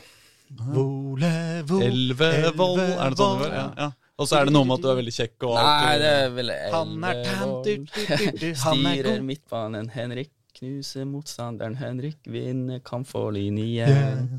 Så går den på repeat. Nei, ja. Så den er veldig fin, den. Ja, Ja. Jeg, syns du får applaus for, Ja, ja, for synginga. Motvillig synging, men litt press må det jo være. Nei, Ja, men, men det- det- ja, bortsett fra den eh, De har mange kule, syns jeg, men jeg husker det jeg husker best. Det var jo første matchen min for Lyn. Mm. Offisiell. Det var, vi, vi spilte vel et par treningskamper sommeren 2021, og så møtte vi Vålerenga på Bislett. Mm. Ja. An tredje kampen min. Mm. Uh, da var det jo gikk fra å spille foran 50 stykk på Kringsjå til 4000 på Bislett. Og da kjørte de den der eh, Vi skulle ha hørt den i gamle Oslo. I hovedstaden. Her kommer lyn, kommer lyn, kommer lyn, lyn, lyn. Og da var det jo med, med bluss og masse folk, og det var egentlig Jeg syns den er ganske kul, den sangen. Det blir litt sånn stemning på tribunen. Og, Da må jo du ha vært, Aslak. Ja, jeg, det kan godt være jeg var der, ja. Så bortsett fra min egen, så må det bli den. Men jeg også har men jeg, en som jeg ikke vet helt hva teksten er på. Jeg bare synes det, Det lille jeg kan av den, er noe sånn Lyn, lyn, lyn. Du ser ikke oss på TV. Og så kan jeg ikke noe mer enn det. Men det, jeg syns det er en morsom start. Jeg skulle gjerne visst resten av den. Ja, det er vel lyn, lyn, lyn, du ser ikke oss på TV, men kom til store stå, så gir vi dere neven. Knallhardt ned i gjørma med samme lidenskap, for vi er best i Norges hovedstad. Ja. Dette likte jeg. Du, du, du har oversikt. over det jeg du hadde sittet på benken Nei, hele jeg har spilt noen kamper, så jeg får med meg, med meg hva han sier. Ja, fordi det er mange fotballspillere som, som prøver å påstå at nei, vi hører ikke så godt hva de synger på tribunen og sånn. Eh, Vi, vi er konsentrert om fotballen og sånn. Men du, du eh, pugger sanger du mens du løper. Nei, opp altså nå er jeg, jeg er jo jeg ganske god å synge, så har jeg spilt noen kamper, og det er jo, man får med seg egentlig, det er jo de samme sangene som går om og om, om igjen. Så jeg er jo flink å poste på Twitter og TikTok og sånn, så det er jo, får jo får jo hørt dem. Ja, når Lyn er så overlegne spillemessig, så er det jo bare Da har man tid. Tid og kan konsentrere seg om ta inn, ta inn andre ting. Søstera mi også, hun bruker å være på besøk og se noen kamper, så hun er veldig fascinert. Så hun går og synger på, synger på sangene hjemme og sånn. Ja, ja, Så man får jo hørt nok av de lynsangene. ja, det, det blir ikke noe heia til. eh, Nei, nei, nei, det er lyn, lyn det går, ja. Ja, ja.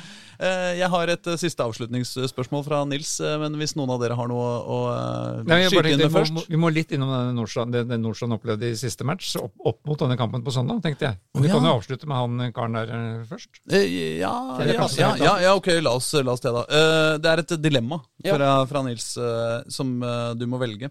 Vil du vinne serien nå på søndag, eller rykke opp med en overtidsgoal fra deg sjøl mot Oppsal?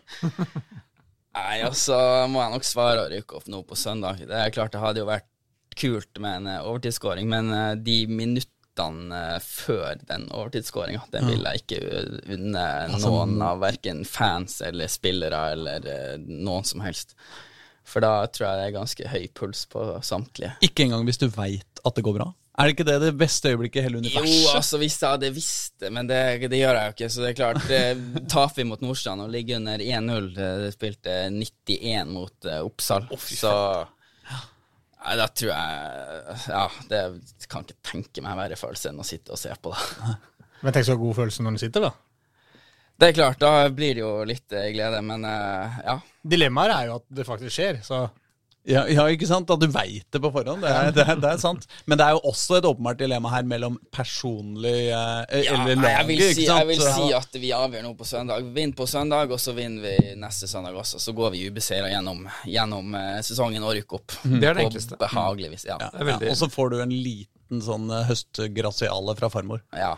I tillegg til Og så er det lettere å planlegge litt sånn, ja. Som Festus Tava. Ja, de tingene der, da. Hvis vi, sånn, hvis vi tar det litt sånn eh, Ja. Hvis vi tar det ganske sikkert. En god plan. Ja, hvor, var det du ville Nei, jeg bare tenkte på oppspill, litt oppspillet til denne kampen som Nordstrand opplevde sist nå. Altså, Oliver Midtgaard skåret tre mål i den matchen. De vant 4-0. Og så ramler han litt forkjært fem minutter for slutt. Opp armen sin, og de visste ikke helt om det var brudd eller forstuing. Det skal de finne ut i dag. Så jeg snakka med Thomas Holm i stad, Nordstrand-treneren. Eh, Dette spiller ingen, ingen rolle. De hadde nye folk å sette inn, så dette bare gleder de seg til. Og da, da hadde akkurat fått vite at Nordstrand er det laget i, av alle i toppdivisjonene som har holdt nullen i flest kamper i år. De har 16 kamper uten baklengs. Ah, ja. Og de skal få sin 17. mot Lyn, garantert. den. Men det skjer jo ikke. Eller Nei, altså, vi skårte nå tre på dem siste, så, så vi får se. Men eh, det er klart Nordstrand har vært eh, bunnsolid. Jeg skal jo ikke lyge og si noe annet. Dem, eh, vi trodde jo i sommer, når vi var fem poeng foran dem, at de kom til å, at de kom til å gå på en smell. Eh, men det er klart, når vi da har vunnet åtte av åtte og fortsatt bare fem poeng foran, så er det ganske imponerende av dem. Det er, det er egentlig ganske sjukt. Altså, de har 59 poeng. Og hvis de hadde vært i nesten hvilken som helst annen avdeling, så hadde de rykka direkte opp. Ja, Det er bare Junkeren som har høyere poengsum. De har jo prestert utrolig bra. De har et bra lag også. Jeg kjenner jo han keeperen litt, Kristoffer Bugge. Han var, ja. bodde jo faktisk med han eh, August Randers uh, i fjor. Ok. Så eh, de har gjort eh, De har veldig De har et bra lag. De har godt forsvar, og midtkår selvfølgelig skåret uh, 24-25, er det kanskje? 25 han ligger likt med David Li, Tavakoli. likt med Åh, tenk om han hadde like god bestefarmor som deg. Ja. Han måtte vel gått ned på satsen. Men, eh, nei, eh, de er all honnør til dem, og det, de har gjort det bra. Men eh, vi satser på å bryte den nullen-rekka deres nå på, på søndag. Nei, men Skal vi si det sånn, da? Vi gleder oss. Ja, det det gjør vi, ass. Dere kommer på kamp, eller? Ja, ja, ja, ja selvfølgelig. Vi har jo snak, vi har ikke snakka om så mye annet. Eh, Vi har jo snakka om den hver eneste episode, føler jeg. Den kampen der. Og bare sånn Begge vant igjen. Nest siste runde så veit vi at det er Nordstrand Lyn. Så nå er den der endelig, altså. Ja. Dere har vel tenkt litt på dere òg? Ja, altså, vi har hatt den i bakhodet ja. mens, mens vi har fokusert på de andre kampene. Men eh, nå er den jo her, så da er det bare å smelle til. Ja. Hente hjem poengene og ta, ta opprykket. Og du blir ikke nervøs heller? Nei, altså ikke sånn før, kanskje bitte litt rett før kampen, men eh, når den settes i gang, så er man eh, på. Ja. Så det er bare, det er bare morsomt så mye med folk.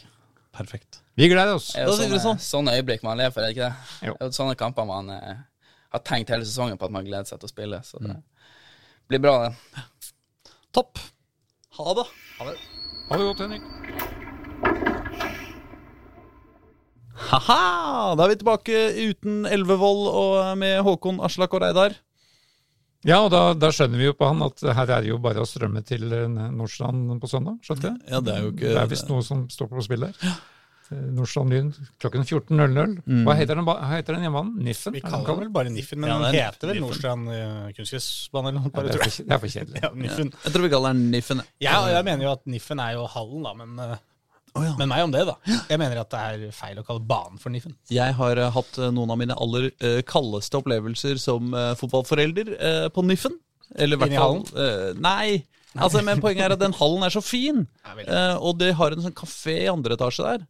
Eh, og den har utsikt til der hvor man Der hvor, i hvert fall der hvor unga spiller fotball. Jeg vet ikke om det er Ja, den det er samme banen. samme, Ja, ja. ikke sant? Uh, sånn at uh, når det var da 15 minus i fjor vinter eller året før der, eller et eller annet sånt, og unga var jo knapt de greide å løpe, de var jo stivpinner og iskalde og ikke sant, Alt var eh, smertehelvete for de stakkars unga. Så satt jo alle vi foreldre oppe inne i varme, fine kafeen med sånn panoramavinduer og spiste kanelboller og, og drakk kaffe. Så det er å anbefale. Så, ikke sant? så hvis det er elleve voksne mannfolk som spiller fotball, som du ikke, 11 voksne mannfolk du ikke kjenner som spiller fotball, Ja. Da kan du stå i vind og blåst utendørs og, Absolutt. og ofre helsa di. Ja, ja. Men uh, for dine egne avkom, da, det gidder du ikke. Nei, nei, nei. nei. På ingen Men ifølge Nordstrand-trener Thomas Holm så har da billettsalget akkurat starta til denne matchen, og de veit ikke helt hvordan de skal håndtere dette her. Fordi de veit lite om hvor hvor mange Lyn kommer med. De hadde jo over 1000 på Bislett nå sist. Ja. Uh, Publikumsrekorden er 1700 mot Fredrikstad i en cupkamp, antagelig. Men så mente han kanskje det er plass til 2500-3000 der.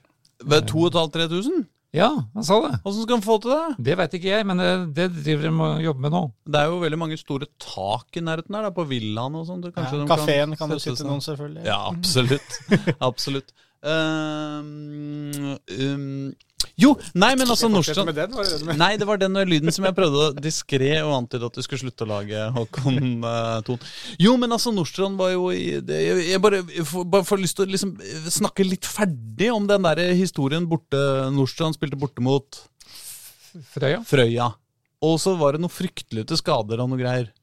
Ja, også Oliver Midtgaard hadde skåra sine tre mål, som Ja. vi nevnte. Ja. Og så fikk han dette armgreiene rett før slutt. Ja. Og så ble han av en eller annen merkelig grunn liggende på banen. Ja. Altså, De tok han ikke av. ja, Men det var en skikkelig skrekkskade, liksom? Ja, det så sånn ut Ja. der og da, da. Ja. Eh, At, at armen sto helt i, i feil vinkel. Ja, ikke sant? Og så ble han liggende. Ja, det var en sånn, sånn scene som sjokkerte litt som spillerne litt, da. Ja. Og så tok det en halvtime før ambulansen kom. Ja, og, han, og, og, og, da hadde de ennå ikke greid å få han av banen? Det var ikke noe tema da tydeligvis å løfte han av banen. Nei. Så da var jo da historiske øyeblikk at vår, mann som fulgte dette fra Oslo, eh, via en streamsending som ikke eksisterte Så han ringte da til Thomas Holm, trener til Nordstrand, og snakka med han før kampen var slutt. Ja. For da gikk jo diskusjonen på hvordan man skulle avslutte denne kampen. Ja. For spillerne sa at Nordstrand leda jo 4-0, og det var egentlig bare å blåse av. Ja. Var det jo forslag om. Ja. Men det ville ikke dommeren. Nei, så det Da endte de opp med å trikse isteden ute på banen og sånn? Foreslo Thomas Holm at vi kan avslutte med en triksekonkurranse. Ja. Ja. Og hva det blei til eh, eksakt, veit jeg ikke. Hvordan de siste fem minuttene så ut. Det, det er jo da hemmelig uten, utenom de som var der. Jeg har sett bilder av at de Ja, har stått og triksa, altså. De stått, de stod og triksa? Ja, ja.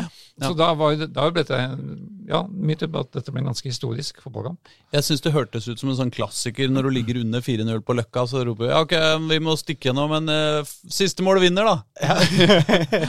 Hadde jeg vært kanskje- trener på Frøya, så hadde jeg foreslått det, i hvert fall. Ja, ja, triksekonkurransen. Den som vinner triksekonkurransen, vinner Ja, kampen. Men det var ikke så visste hvem som vant triksekonkurransen heller. Det syns jeg var litt rart. Nei. Uh, men det har skjedd andre ting i Oslo-fotballen enn uh, en, uh, trikkeligaen, eh, ligaen, tredjedivisjon. tredje divisjon. Eh, eh, kanskje vi skulle begynt på toppen, eller?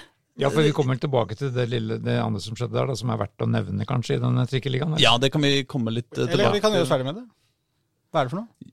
Er det ikke like greit å bli ferdig med det? Jo, kanskje det er greit å bli Ja, okay. ferdig med det. Nei, så Grei rykka jo ned, da. Eh, definitivt. De var jo nesten nede, men fikk da 1-1 mot Oppsal, som, hvor Oppsal fikk et um, Oppsal leda matchen, og så kom, fikk Grei et straffespark Ja. rett før slutt, som selvfølgelig alle var uenig i, bortsett fra Grei. Mm. Og da ble jo det uro og leven på, på Greibanen. Og da ble det 1-1, og da er jo situasjonen fortsatt slik at Oppsal ikke er formelt helt klare. Nei. Så de lever i uvisshet litt, litt til. Uh, og så er det Kjelsås 2, som har hatt et veldig løft under Jesper Sollis eh, inntreden. Mm. Men nå spilte ikke han, og da tapte de, og da ligger Kjelsås under streken igjen. Så de er de da har størst risiko for å rykke ned. Ja. Nå har de kivet den plassen med Stabæk 2, som da spiller de i kveld. Eh, etter at denne, disse ord blir sagt. Ja. Så det er jo Det var vel hovedpunktene fra de andre kampene. Skeid tapte 2-8 for Os. En veldig pussig kamp, men eh, Skeid 2. Skeid 2, ja. Ja. Som starta så veldig bra. Men Ja. den kampen hadde jo da ingen, har ingen betydning for tabellplassering, verken opp eller ned. Nei. Men det bare viser at uh, de har senka garden litt i Skeid. For min del kan vi egentlig gå eh, sakte, men sikkert og holde oss unna Eliteserien lengst mulig. Fordi jeg må jo si at jeg gruer meg litt eh, til vi skal begynne å snakke om Eliteserien. Ja, da, da kan vi nevne at Lyn slo Redd i 5-0, for det snakka vi nesten ikke noe om med, med Nei, nei det, det, det var vi ikke noe på. Uh, nei, Men altså, var, de vinner kampene sine. Liksom, det er jo liksom så innmari sånn Lyn vinner. I, nå igjen. nå, nå igjen, og da, Hva sa du? Åtte på rad, vel? Nå, seire. Ja, og da, men da skjedde, Konsekvensen av det var jo at Reddy gikk ned. Ja. Så Reddy og Grei er nede.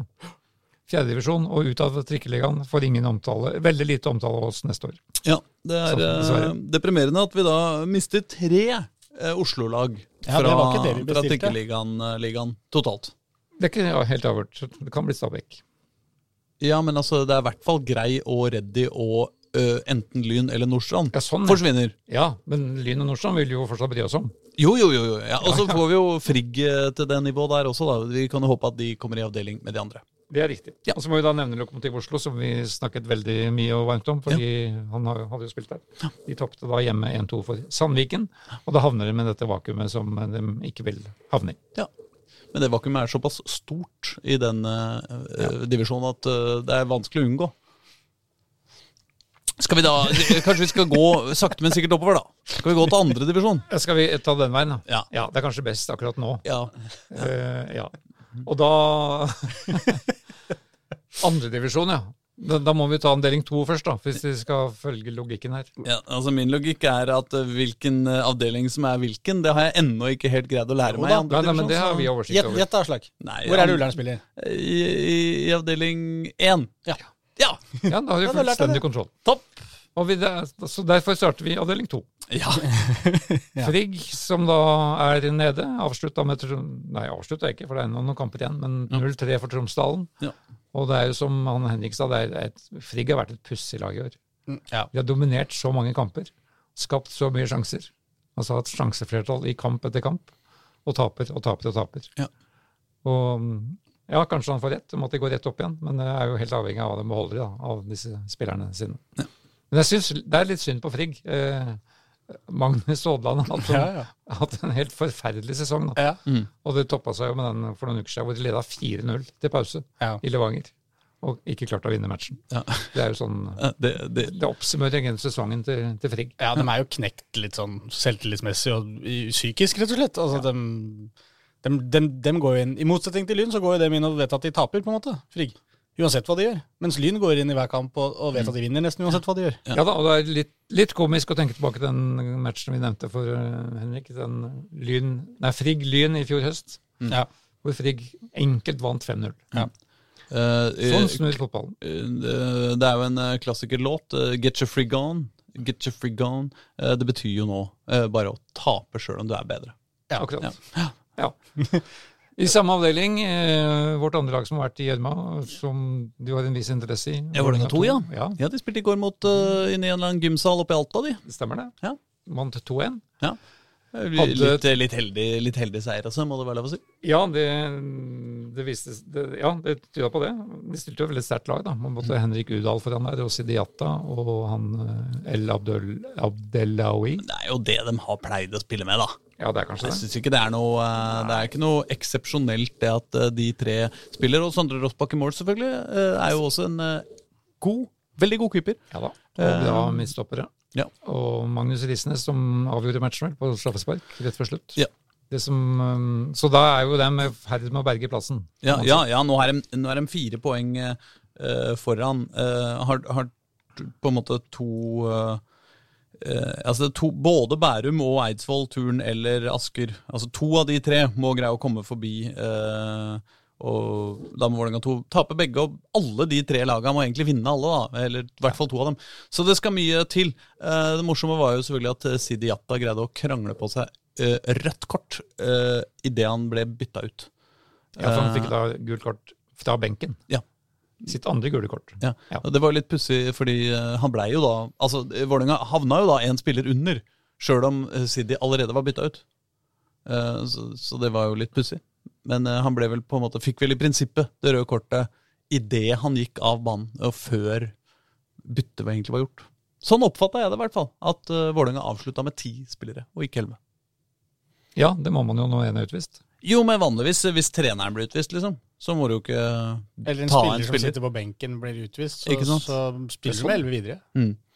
Ja, det må kanskje. Mens uh, når det skjer akkurat idet byttet skjer, at uh, han rett og slett blir utvist etter hvordan jeg forsto det, for å drøye Men tida når når han går av banen. Ja, Så Den spilleren som sto klar for å komme inn for Vålerenga, han kom ikke inn. Uh, vet du hva, det greide jeg ikke å få med. Hva, hva Så det som- var årsaken til det gule kortet? At han brukte for lang tid på å gå av banen? Sånn forsto jeg det, ja. Ok. Eh, men altså, fordi i eh, Al i, i den aldri har det jo vært mer klart at en spiller skal av banen, i hvert fall. Men altså, i eh, Ifølge VG Live Nå har ikke jeg sjekka det på fotball.no, som jo tro- tross alt er hakket mer offisielle, offisielt. Men på VG Live mens du holder på så står det at Noah Risberg kom inn for Sidiata. Og så ble Sidiata utvist. Og hvis det er rekkefølgen, så må Er det 11 mot 11? Så burde det jo være 11 mot 11. Men, eh, men eh, dette kunne vi ha sjekka ut hvis det var veldig viktig. Men det er jo bare sånn litt passe interessant. Er Når, når i kampen var dette, da? Nei, det var i 86. minutt, ja. Det var grunnen til at han eh, brukte lang tid på å komme seg av banen, Sidi. Ja, han har jo da to kamper på rad hvor han har kommet seg ut av banen på eh, suboptimalt vis, unge eh, Unge Sidi. For vi har vel ikke snakka om den andre kampen til Vålerenga 2 heller, har vi det? da? Hvilken var det? Nei, den som var hjemme mot uh, De grisevant. Til Jo, det var mot uh, Bærum eller et eller annet sånt. um, Men, men jeg, jeg må jo lese det da vår, vår mann som dekka kampen i går, ja, hva han skriver. Som tilfeldigvis heter Sollitt etternavn. ja. Etter målet ble Sidi Jata byttet ut, og da han, satt, da han satte seg på benken, kom dommer Christian Christiansen bort med to kort i hånda. Han hevet først det gule, så det røde. Det var nemlig Jatas andre gule kort for dagen. Det var full forvirring på VIF-benken om hva dommer var misfornøyd med, men basert på bildene og det kommentator sa, er det trolig at Jata fikk sitt andre gule kort for å ha brukt for lang tid for å komme seg ut av banen. Jata må nå uansett sone karantene mot Levanger til helgen. Ja. Eh, Men det er jo utrolig snålt å få et gult kort for å drøye tida når du etter du har kommet deg av banen. Jo, ja. Men han kan jo ikke drøye tida på benken. på en måte. Det er han allerede av. Jo. Det gule kortet må jo komme før han er banen.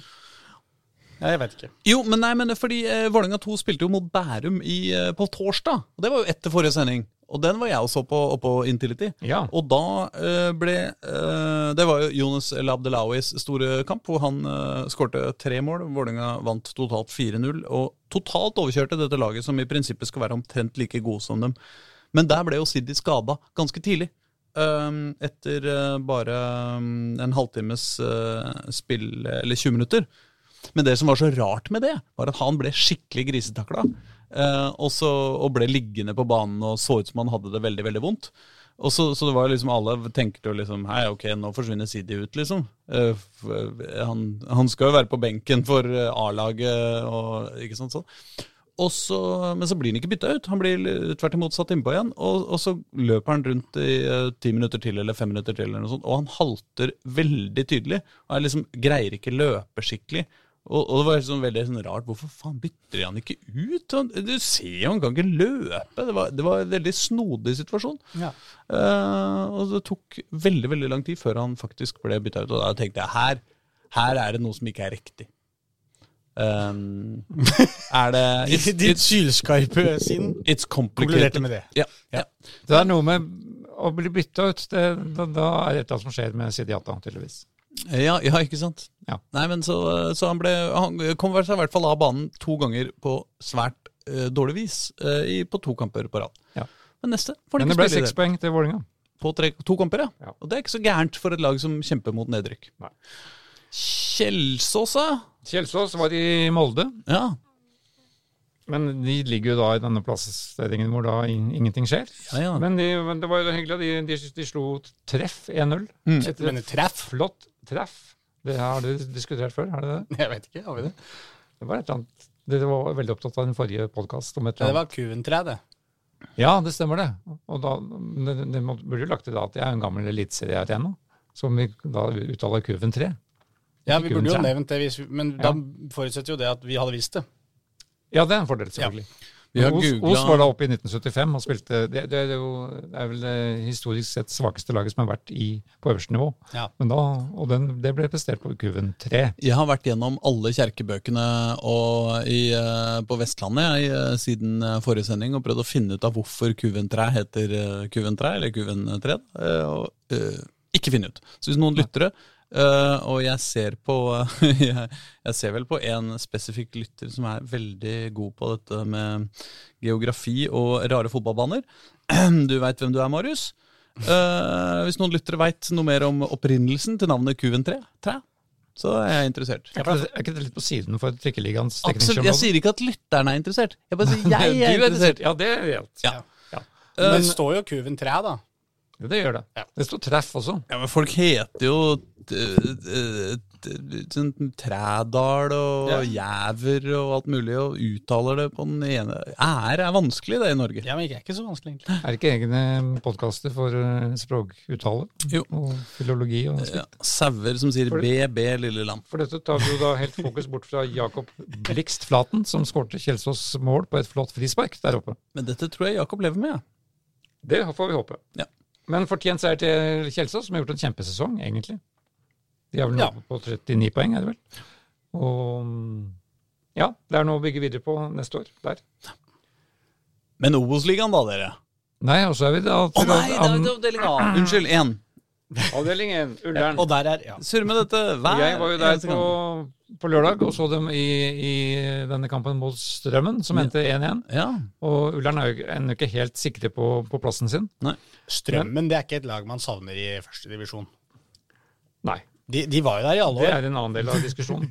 Jeg bare slo meg nå at eh, Strømmen ja, det var et fotballag som var liksom i første divisjon hvert eneste år. De mista jo han her Hasselbank, eller hva han het, han Ja, treneren. Nesselquist. Eh, Nesselqvist, ja, ja, det Ja. greiene. Hasselbank, Jimmy er det Floyd. Casey Wehrmann som trener. Hasselblad, Er det det? kamera. Hvis du husker Casey Wehrmann fra sin tid i Han var jo sånn LSK-slugger på, på midtbanen. Ja.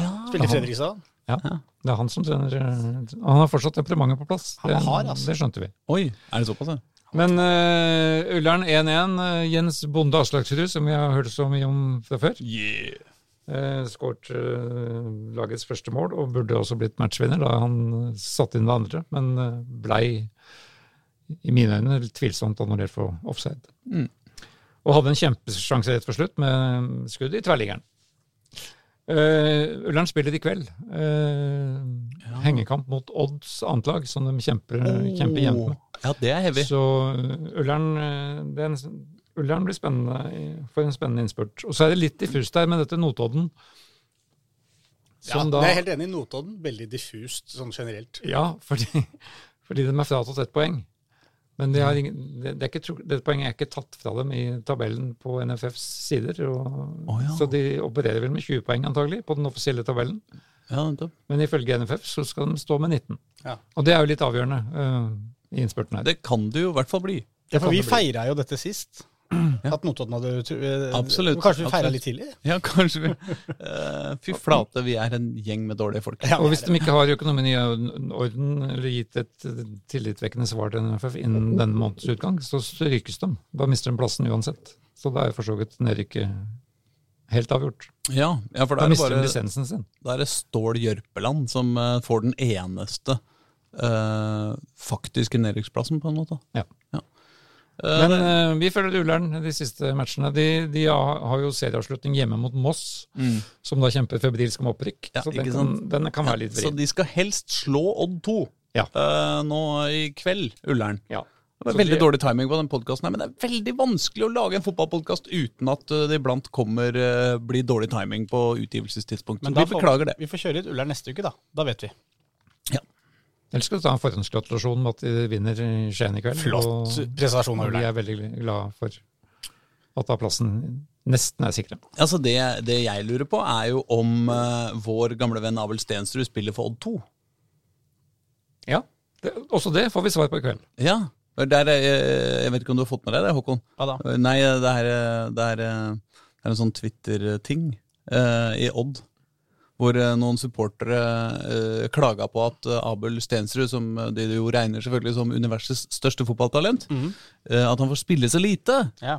Eh, hvorpå daglig leder, Einar Håndlykken, sier at eh, jeg skal ikke blande meg inn i det sport, eh, sportslige avdelingen driver med, men han har ikke trent noe særlig denne uka, da. Og så svarer Abel Stensrud sjæl i samme Twitter-tråd. Jeg har trent hver dag. uh, ja, det er gøy. så, så, så, så, så der er det også litt Internkommunikasjonen er ikke helt uh, Nei, også, It's complicated der også, tror Ja. jeg. eh, Det, det er mitt inntrykk. Ja. Kanskje Kanskje Handriken ikke er helt sikker på hvem Stensrud er? Kanskje Sidi Jatta og Abel Stensrud kan bytte. Ja. Eh, Så får man eh, Så får man på en måte De er jo litt i samme situasjon i hver sin klubb. Så Men jeg må bare sånn. si, den bortekampen mot Odd 2 der, Ja. det hat tricket til Aslaksrud, fantastisk. 3-0 borte mot Odd 2. Det er det det blir. Nå prøver jeg bare å ta oh, det ja, sånn, forkant. ja. Fingert Ja, sånn. Ja. Ja, så vi er ferdig Nei. med det, liksom? Ja, ja, ja. Hvis, hvis, hvis du hører dette etter, eh, etter kampen har blitt spilt, ja. ja så Ja. Uhå, det, det var imponerende greier. Ja. Ja. Er det ikke det, syns du? Jo. At jeg, dette sa jeg før kampstart. Ja. Hat trick av Aslaksrud. Called it. Nei, de spiller ikke i kveld. De spiller onsdag kveld. Ja, ja. Det er tirsdag i dag. Ja, men vi får fortsatt ikke snakke om det i dag. Nei, nei, det er riktig. Men nå har vi gjort det allerede. Ja. Men eh, nei, de spiller onsdag kveld. Ja, Hvis dere fortsatt henger med, så kan vi jo gå videre. Um, Før vi, før vi har gravd oss man, fullstendig vår egen, vi graver vår egen grav i Slik går det når man starter bakfra. da drar vi til uh, Obos-ligaen. Ja. Gjør vi ikke det? Og det er spørsmålet skal vi starte med den kampen, kampen som gikk mandag eller søndag. Nei, det, det, det er mest fornuftig å begynne søndag. Ja. Uh, Ta det forfra, ja. ja, ta det, ta det forfra, rett og slett. Uh, da var vi jo begge vi på Nordre Åsen, Reidar. Det var vi. Ja, og så, eh, Skeid harde i land. En deilig 3-2-seier over start. En av de få kampene i år som jeg har sett Skeid eh, og da spillemessig være ganske underlegne. eh, har lite ball og blir pressa. Mm. Men da har marginen med seg, for, e- for en gangs skyld. Ja. Og da den 3-2-skåringa kom på overtid der, selvfølgelig De må jo alltid slippe inn mål på overtid. Mm. Ja, ja, ja. Er ja, de leda jo 3-1, ja, og så ble det 3-2 på overtid, og da, da var det trøkk. Da var det trøkk. Ja. Og da tenkte Jeg snakka med Gard Holme etterpå. Da var han, han var jo på nippet til å få rødt kort. eh, For han var jo så irriterende, han var jo så rasende på dommeren. Ja. For etter de tre tilleggsminuttene så la han til tre minutter til. Mm. Hvor da Start fikk sjansen til å pumpe enda flere baller. Ja, det varte og varte, den der eh, overtida der. Men det gikk jo bra, da. Så Og dette skjedde jo en annen. Nå husker jeg ikke akkurat hvilken nei, Skeid-kamp som jeg var på, jeg også. Og Gard var så forbanna på dette her. Burde lagt i to ekstra minutter, helt uten noen grunn, på en måte. Han bare, vil bare spille til vi har sluppet inn. Er det det som er greia i denne ligaen? Så selv eh, etter at kampen var slutt, og det gikk Skeids vei, og alle var letta, så var han fortsatt veldig opptatt av disse tilleggsminuttene og den, som dommeren hadde, hadde lagt til. Mm. Så dette er tydeligvis noe som har vært, de har plaga dem i, i hele år. Ja. Men uh, ditt inntrykk, da? De, de, de vant jo. Og, Ja, de- og de det, vant. jo, var jo en, det var jo en begivenhet. Jeg har, jeg har to inntrykk. Det ene er at jeg, eh, jeg var på, på pu- publikum på supporterlangsida eh, til Skeid. Eh, eh, for jeg var jo ikke på jobb, bare, ikke sant? men så, så eh, ble jeg gjort oppmerksom på underveis at, eh, at det, det fantes noen muligheter eh, til å være på den andre sida. Eh, så jeg satt på hver eh, langside, eller den ene langsida, og på vippen der, altså der er det sol. Ja. Altså, det er det, er de, det er de mest imponerende VIP-fasilitetene jeg har sett på en, eh, på en norsk uh, fotballbane. Ikke fordi at det var så innmari fancy greier der, men, men de, det, var liksom, det var sol hele kampen på den ene halvdelen, og ikke noe av kampen på den andre, på den andre ja, det er jo veldig temperaturforskjell der borte. Det er jo kamper vi har sittet der og møtt folk som har sittet på motsatt side, og de har holdt på å fryse i hjel, mens Ja, ja. vi har syntes det har vært helt ok. Ikke sant? Ja, ja, ja, det er kaldt eh, på, den, eh, på hjemmetribunen. Uh, Ja. så det, men det andre må jeg si at jeg syns at han er Markus Melkjord, altså. Ah, god fotballspiller. Ja. Ja, Han er jo da, Eh, som vi nevnte sist, den eneste Skeid-spilleren som har starta alle kamper i år. Ja, han er det. Ja, og det er en grunn til det. Jeg veit ikke om eh, det, det bare er litt sånn at jeg automatisk trekkes mot spillere som er lave. Eh, de, de ser alltid så gode ut. Lave spillere ser liksom ofte mye bedre ut enn de andre. Markus Melkjord, mm, lav. ja, det spørs hva du legger benet, da, men artigere ofte. Han så ja, det, ja, det, det, var, det var fart i han, altså. Nei, men det var mye bra angrep på, eh, på eh, Skeid. det, det er noe med at hvis du, sett, hvis du ser en oppstilling av et fotballag, og du ser to midtstoppere som begge er 1,60 høye, Ja. så tenker du ikke umiddelbart jøss, sikkert kjempegode midtstoppere. Nei, men Nei, men jeg Men hvis det ligger litt framover i banen, er jeg enig. Og gjerne sokkene midt ned på leggen. Da ser de i hvert fall gode ut. Ikke sant? Da ser det gode ut, da. Nei, det var, eh, men det var, eh, det var jo også uh, gøy. De, uh, Skeid spilte jo for første gang på ti kamper eller noe sånt, med, med fem i forsvar. Uh, eller tre, alt ettersom. Mm. Og det var jo et forsøk på å ta Start på senga og lure dem. Eh, Så, så Start skulle ha forberedt seg på noe helt annet enn det som ble virkeligheten. Og det slo jo til ganske bra. Eh, Skeid eh, skårte jo et eh, tidlig mål og alt Per. Magnus Steiring som skåret sitt første mål for klubben. Han, en, ikke en 60 høy midtstopper, men eh, betydelig høyere. Ja, ja, det var på corner, da. Ja. Det er jo feigt. Midtstoppere som scorer på corner. Er det feigt, da? Ja, Det, det, det- det er jeg det er noe jeg kan like veldig godt. Det er nytt for Jeg har fortsatt et, et av mine favorittmål To av mine favorittmål som, har blitt, som jeg kan komme på sånn umiddelbart. Eh, Lars Brotangen som skåra et mål for Kjelsås, jeg tror det kanskje var forrige sesong.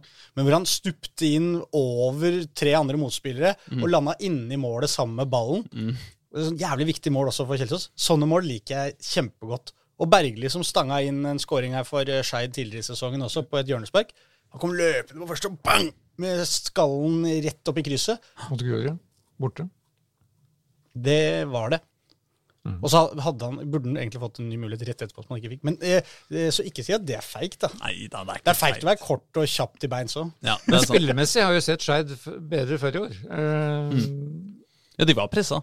Det er ikke De, de hadde ble tøft pressa i siste halvdel av første omgang. Så da kan vi kalle det en taktisk triumf, da, vet du. Men det er jo som forventa når du møter Start. Da. Det er jo en tøff eh, match. Eh, Ja. Så at du står igjen med tre poeng her, er jo imponerende. da. Ja var Skeidoksene var ganske hardt pressa også, faktisk. Det var jo eh, mye folk på tribunene, men eh, jeg tror nesten det var flere på eh, kortsida enn på langsida. Altså. Jo, Ja. Men de lager jo ikke noe lyd fra Sørlandet. Det er det. Ja, det var ganske mye Jo, lyd. de, de var overraskende overraskende Har de kommet opp med noe annet enn Heia Start? Ja. Ja. Ja. Og de har til og med strødd en mer Altså Det er jo både kork og kokos i banen eh, fra før, og nå er det også TIFO. Yes. Så det er hyggelig. Men jeg lurer på om vi ikke- må komme oss videre. Ja, ja jeg må bare nevne, Men- nevne, nevne Ja, at, at bortelaget Apropos kunstgressbaner. også Bortelaget får alltid lov til å parkere. Det er eneste, byen i, nei, eneste banen i Norge hvor de parkerer bussen inne på kunstgressbanen. Ja, På den som er på oversida av Nordre Åsen. ja, Ja, ja. Nå snakker du ikke metaforisk, liksom, at parkerer bussen Nei, det kan man selvfølgelig også gjort. Ja. Nei, for det gjorde de på ingen måte. Nei. Men de parkerte bussen på den andre, andre kunstgressbanen. Ja. Og der satt deres sovende bussjåfør, Mhm. totalt redusert til det som foregikk på banen ved siden av. Sånt sjarmerer meg litt. Ja, ja, ja. Og dessuten, eh, Skeid hater jo den kunstgressmatta på Nordre Åsen 2 så intenst at de til og med godtar å ha hvilke De har jo tilbudt å eksperimentere med, med, med, med kunstgresset der. Så, de, så jeg regner med at de bare lar dem parkere der bare fordi vi hater den banen så mye likevel! Ja. For en drittbane! Parker busser der! Eh, Gjør hva dere vil. Men jeg må jo få nevne, vi må jo nevne David Hicksons uh, 3-1-skåring, syns jeg. ja. Som, som da skapt Han starta jo angrepet. Ja. skapte jo, var jo kampens flotteste angrep. Ja. Og avslutter det med en eh, heading. Ja. Jeg snakka med ham etterpå. eh, hvordan han hadde fått til dette her. Ved ikke å tenke i det hele tatt. Ja. Han bare gønna på, og så hva som skjedde. Nei, men Det var en kjempe, kjempeskåring. Den gikk jo i en uh, liten håndballangrep uh, fra helt fra venstre rundt hele 16-meteren, via selvfølgelig Markus uh, Melkjord. Ut til eh, høyre var Bojang, tenker jeg, Bojang var det, ja. Ja. ja. Og så innlegg eh, over keeper, til bakerste stolpe. Og der kom Hickson flyvende. der. Ja. Det var vakkert. Og da ble det altså seks poeng på to kamper etter 3-0 over Bryne i, i forrige match, hvor de altså sleit i en time. Mm. For så å skåre tre mål. Så nå er det, nå er det flyt for Skeid. Ja. Spørsmålet er for seint. Ja. Men, men det var jo da denne kampen for, Vi blir ikke ferdig. Det er jo et- var jo et tidenes hat trick, egentlig. For i samme moment som Ja. den tok tre poeng der, så stemte de altså Grorud og Stjørdalsblink. Begge lagene. Ja. Rett ned. Ja, ja fordi absolutt, apropos i, i seneste laget, så, så vant jo Grorud sin kamp. Ja, Borte mot. Sandnes Ulf. Kjør på det. For første gang på år og dag. Det er vel den andre seieren de har i år, bare? er det ikke det? Jo Grorud. Som de, som de fikk eh, ikke sant, mot eh, Sandnes Ulf, som jo er å slåss om opprykk og hele pakka. Blir knust av Grorud i samme øyeblikk som Grorud akkurat har bare fått den eh, sure beskjeden om at dere har rykka ned. Det er ferdig. Men det er jo altså, det, det fine med Grorud, og det har vært hele veien, de har jo på en måte bare stått i det selv om det har gått dårlig. De har prøvd, de har vært gode i mange kamper. De, de prøver å utvikle seg, da. Og de, skal, de er jo på en måte i gang med forberedelse til neste sesong, Grorud. Ja. Og, og i så måte så ser jo dette veldig bra ut. Ja. Eh, og så var det, vet ikke om det var noen som så Bjarne Berntsen uh, bli intervjua etter kampen og skulle prøve å forklare dette her. Altså treneren til Sandnes Ulf, Ja, da. Ja. uh, for det var liksom noe med tape mot Grorud. De har ikke vunnet én eneste bortekamp. Dere kjemper om Og, ikke sant? og hva, hva er forklaringen, Bjarne? Mm. Han eh, måtte jo prøve å finne et eller annet. da. Nei, altså, de, de er jo gode offensivt. og, de, og de spiller med lave skuldre. Og eh, dårlig taktisk av meg, fordi jeg ga dem for mye plass. Altså, det var ikke, Jeg syns så synd på han, for han, vi liker jo egentlig han litt, på en måte. Han, Bjarne Berntsen er veldig hyggelig. Jeg så det samme intervjuet. Slik jeg oppfattet han, var at han tok på seg hele ansvaret og all skyld. ja, For at man hadde vært for offensive. Men, men likevel, på en måte, så var det noe med at eh, uansett hvordan nesten Sandnes hadde gått ut der, så skulle de slå Grorud, på en måte. Ja. Som allerede hadde rykka ned. Så jeg bare fikk litt sånn vondt av han. Ja, han tok jo på seg skylda med en gang, men Ja. han bare sto der og måtte liksom følge opp med litt mer, og det ble liksom bare sånn kål, egentlig. For det var, det var jo egentlig ingenting Han kan jo ikke stå og si at Grorud er kjempegod, ikke sant heller? Nei. Det, det er et veldig bra lag. for de har jo Eller du kan jo si det, for det er jo ikke helt feil, men, men altså, de ligger jo helt i bånn. Så det er liksom ikke noen unnskyldninger. Det var litt, fikk litt vondt av det. men gaming, med Men det er klart sånn Psykologisk var det helt feil kamp. Og, og, det er en vrien mental kamp. Ja. Sa- Sandnes Ulf skal og må vinne. Mm. Punktum. Mm. Det er ikke noe unnskyldning, liksom, når laget som har rikka det. Nei. Men jeg så litt på, fulgte med litt med den matchen. Jeg var imponert av Grorud. Voldsom glød, voldsom intensitet. Og så har de med han Omar Budley, da, som, har, eh, som er tilbake etter skade. Og som, hvis, hvis han hadde, hadde vært skadefri litt tidligere i år, så tror jeg dette ville sett annerledes ut. Mm. For han imponerte igjen, da. Ja. Og er, gjør jo ting som, som få vannet klarer. Ja. Og jeg, som Vegard Hansen sa i dette Eurosportstudioet, det er jo noen som må fange opp han hvis han, eh, altså, hvis han vil sjøl.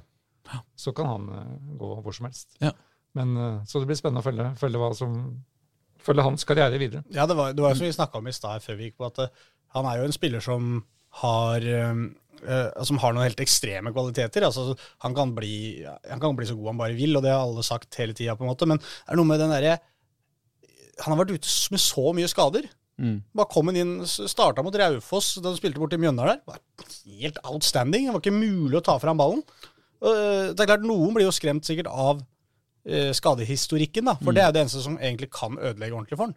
Eh, men hvis ingen tar altså, Som jeg sa, hvis du er en sportssjef med litt dårlig råd, Ja. så hadde jeg tatt sjansen på han. altså. Altså, Omar Bulli skal ikke spille i, i andredivisjon i 2023. Nei, selv om det er fint for Grorud, da, hvis han gjør det. Det er veldig fint for Grorud. Så eh, han skal spille en Oslo-klubb, da. Eh, Det vil vi, syns jeg. Ja. ja.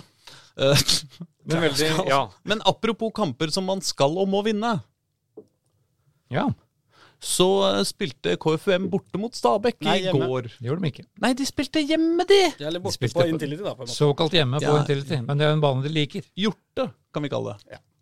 Eh, Eh, og, apropos, bare for å ta det med en gang, Aslak. Eh, du som skrøt av Start-supporterne på Nordre Åsen. ja. Eh, Jeg sendte deg en melding i går om spikeren på K5, så bare tapp den kritikken med en gang. Ja. Når han opplyste om Hvor mange tilskuere var dere der? Det vet ikke. Nei, Jeg tror det var 1500 eller et eller annet. Ja. Eh, så opplyste spiker, takk for at dere kom.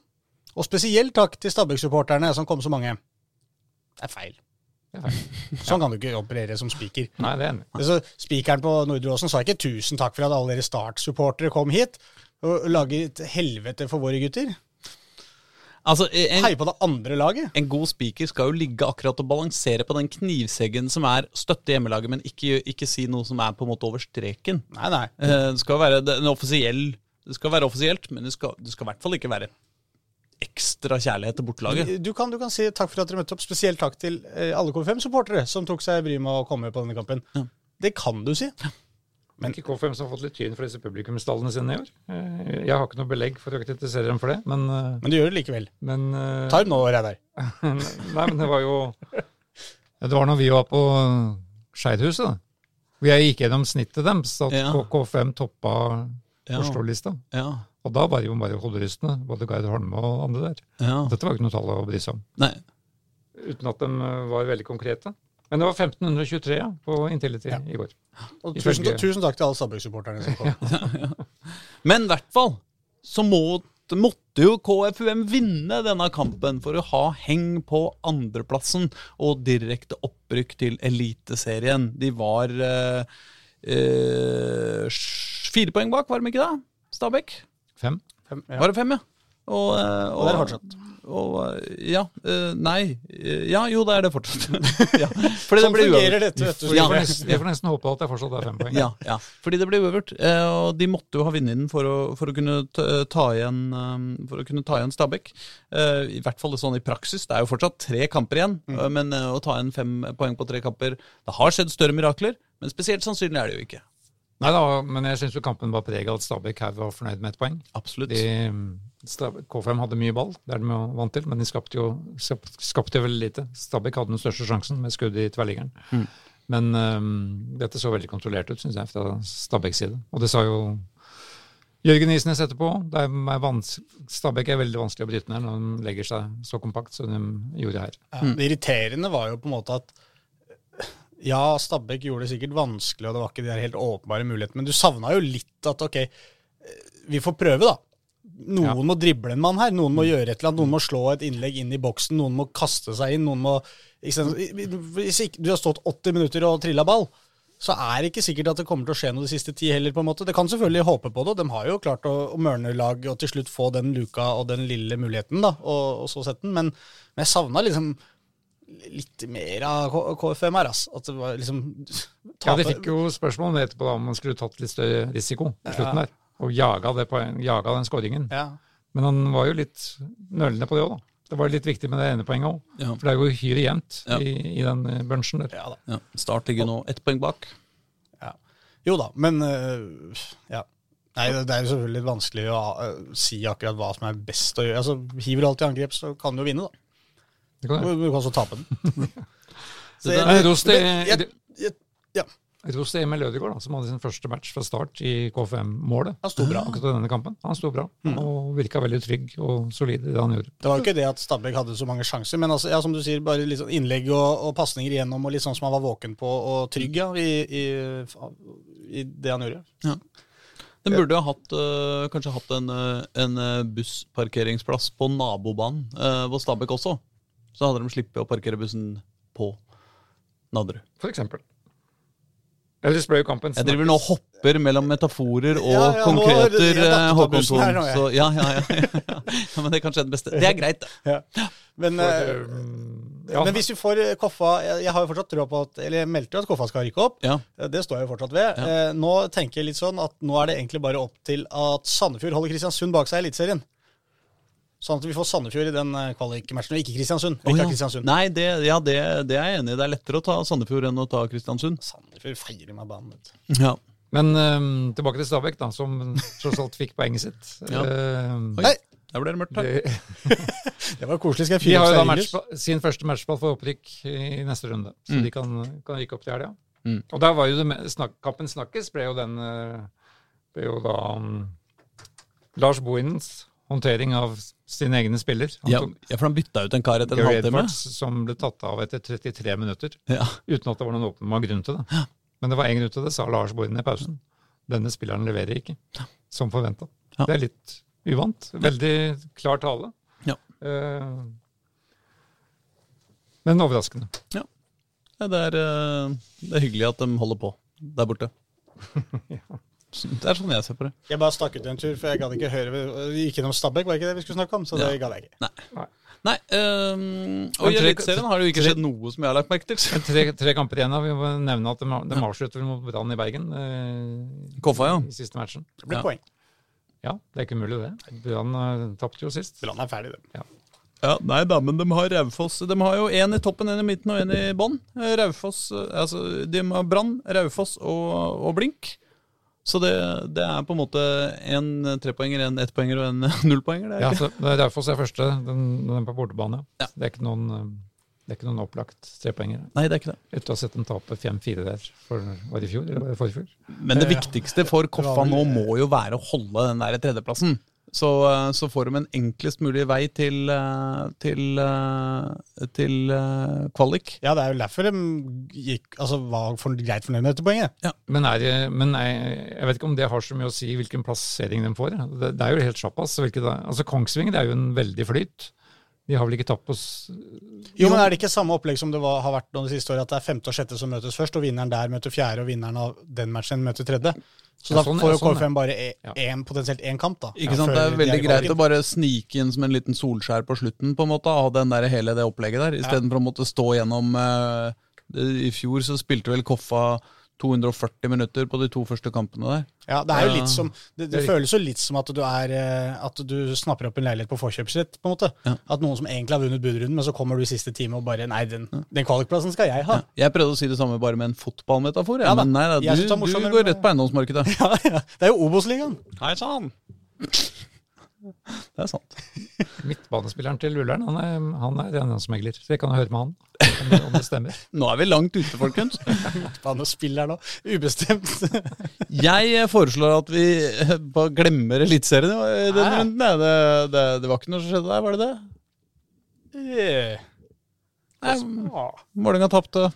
Hvis du sier fikk Kasper. Tengstedt et fint mål, og Viktor Jensen, det var noen dansker som holdt på der Ja, oppe. det var noen dansker som holdt på der oppe. Vålerenga kollapsa fullstendig. Hadde vel eh, eh, ikke en målsjanse i hele kampen. Eh, Har det skjedd før i år? Nei, det, Det kan ikke jeg huske. tør jeg ikke tenke på engang. Eh, Dick og Eng ble sparka, sparka ned. Eh, Juklerød eh, lot seg lure til å bli påført et gult kort for å, for å puse noen på brystet. Hva sier du? Han måka han jo rett ned, jo. Det Kampens spiller for meg var jo Leo Kornek. da. Ja. Jeg syns jo han var imponerende. Jeg har liksom ikke sett han ordentlig en hel kamp eh, på lenge. Nei, siden han var i Grorud. Jeg kan ikke huske at han var så god i Grorud, Nei. men eh, kanskje han var det. Jo da, han var jo knallgod i Men huet, det var jo veldig bevisst, det var jo veldig klar den der eh, planen de hadde da, om å ta ut uh, Vålerengas uh, flanker. Ja. De fikk, kom jo aldri til. og fikk, Hvis de starta på et løp, så ble den kvesta umiddelbart. Ja. Men um, 0-3, 0-3, ny 0, kamp til uka. 0-7 til sammen eh, mot Rosenborg i går, og null poeng. Ja. Så, det, så Kjetil Rekdal fikk vel rett i det han sa til oss på forhånd. Vålerenga er en stor klubb, men Rosenborg er en stor klubb. Søndag. Hjemme mot Bodø-Glimt neste, neste uke for Vålerenga. Det er jo en uh, ferdig scora, det. Er den det?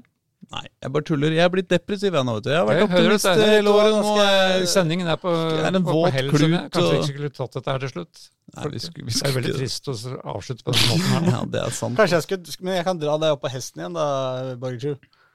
Uh, Bodø-Glimt hjemme. Mm. Det var jo der oppturen starta. Det er sant! Ja, Ja. Selv om det ble tapt, da. Så, Ja, Vålerenga tapte 1-0 i cupen mot eh, Bodø, og, det- og da parkerte den bussen som ingen buss har vært eh, parkert verken på Nordre Åsen 2 eller Nei, for da var den inne på banen. Ja, Ja, da var den inne på banen. Ja. Husker du Vålerenga-Bodø-Glimt for eh, et par år siden her? Når, du Nei, nei, nei, du nei, du vet nå når skal vi jeg ikke snakke om sånne andre fæle nedturer. Du vet- jeg tenker på, tenker på 6-0-seieren til Vålerenga. Ja, ja, ja, sånn, ja! Ja, hvorfor skal ikke det skje igjen? Nei, hvorfor skal ikke Altså, det det kommer et helt utslitt Bodø-Glimt-lag. De møter Arsenal på Aspmyra på torsdag. Stygge drakter har de òg. Det har de også. Ja. Ikke, Henrik Elvevold liker dem ikke. Nei. Nei, det kan gå veien, dette. Her ligger det alltid rette for eh, Absolutt. Vålerenga-opptur. Men du vet at når Reidar sier Husker du den kampen mellom Vålerenga og Bodø-Glimt for et par år siden? Da mener han jo den i 1977, vet du. Ja, ja. Ja, 6-0. Jeg tror, vi, jeg tror vi takker av for denne gangen. Det høres sånn ut. Allerede? Ha det! Okay, da.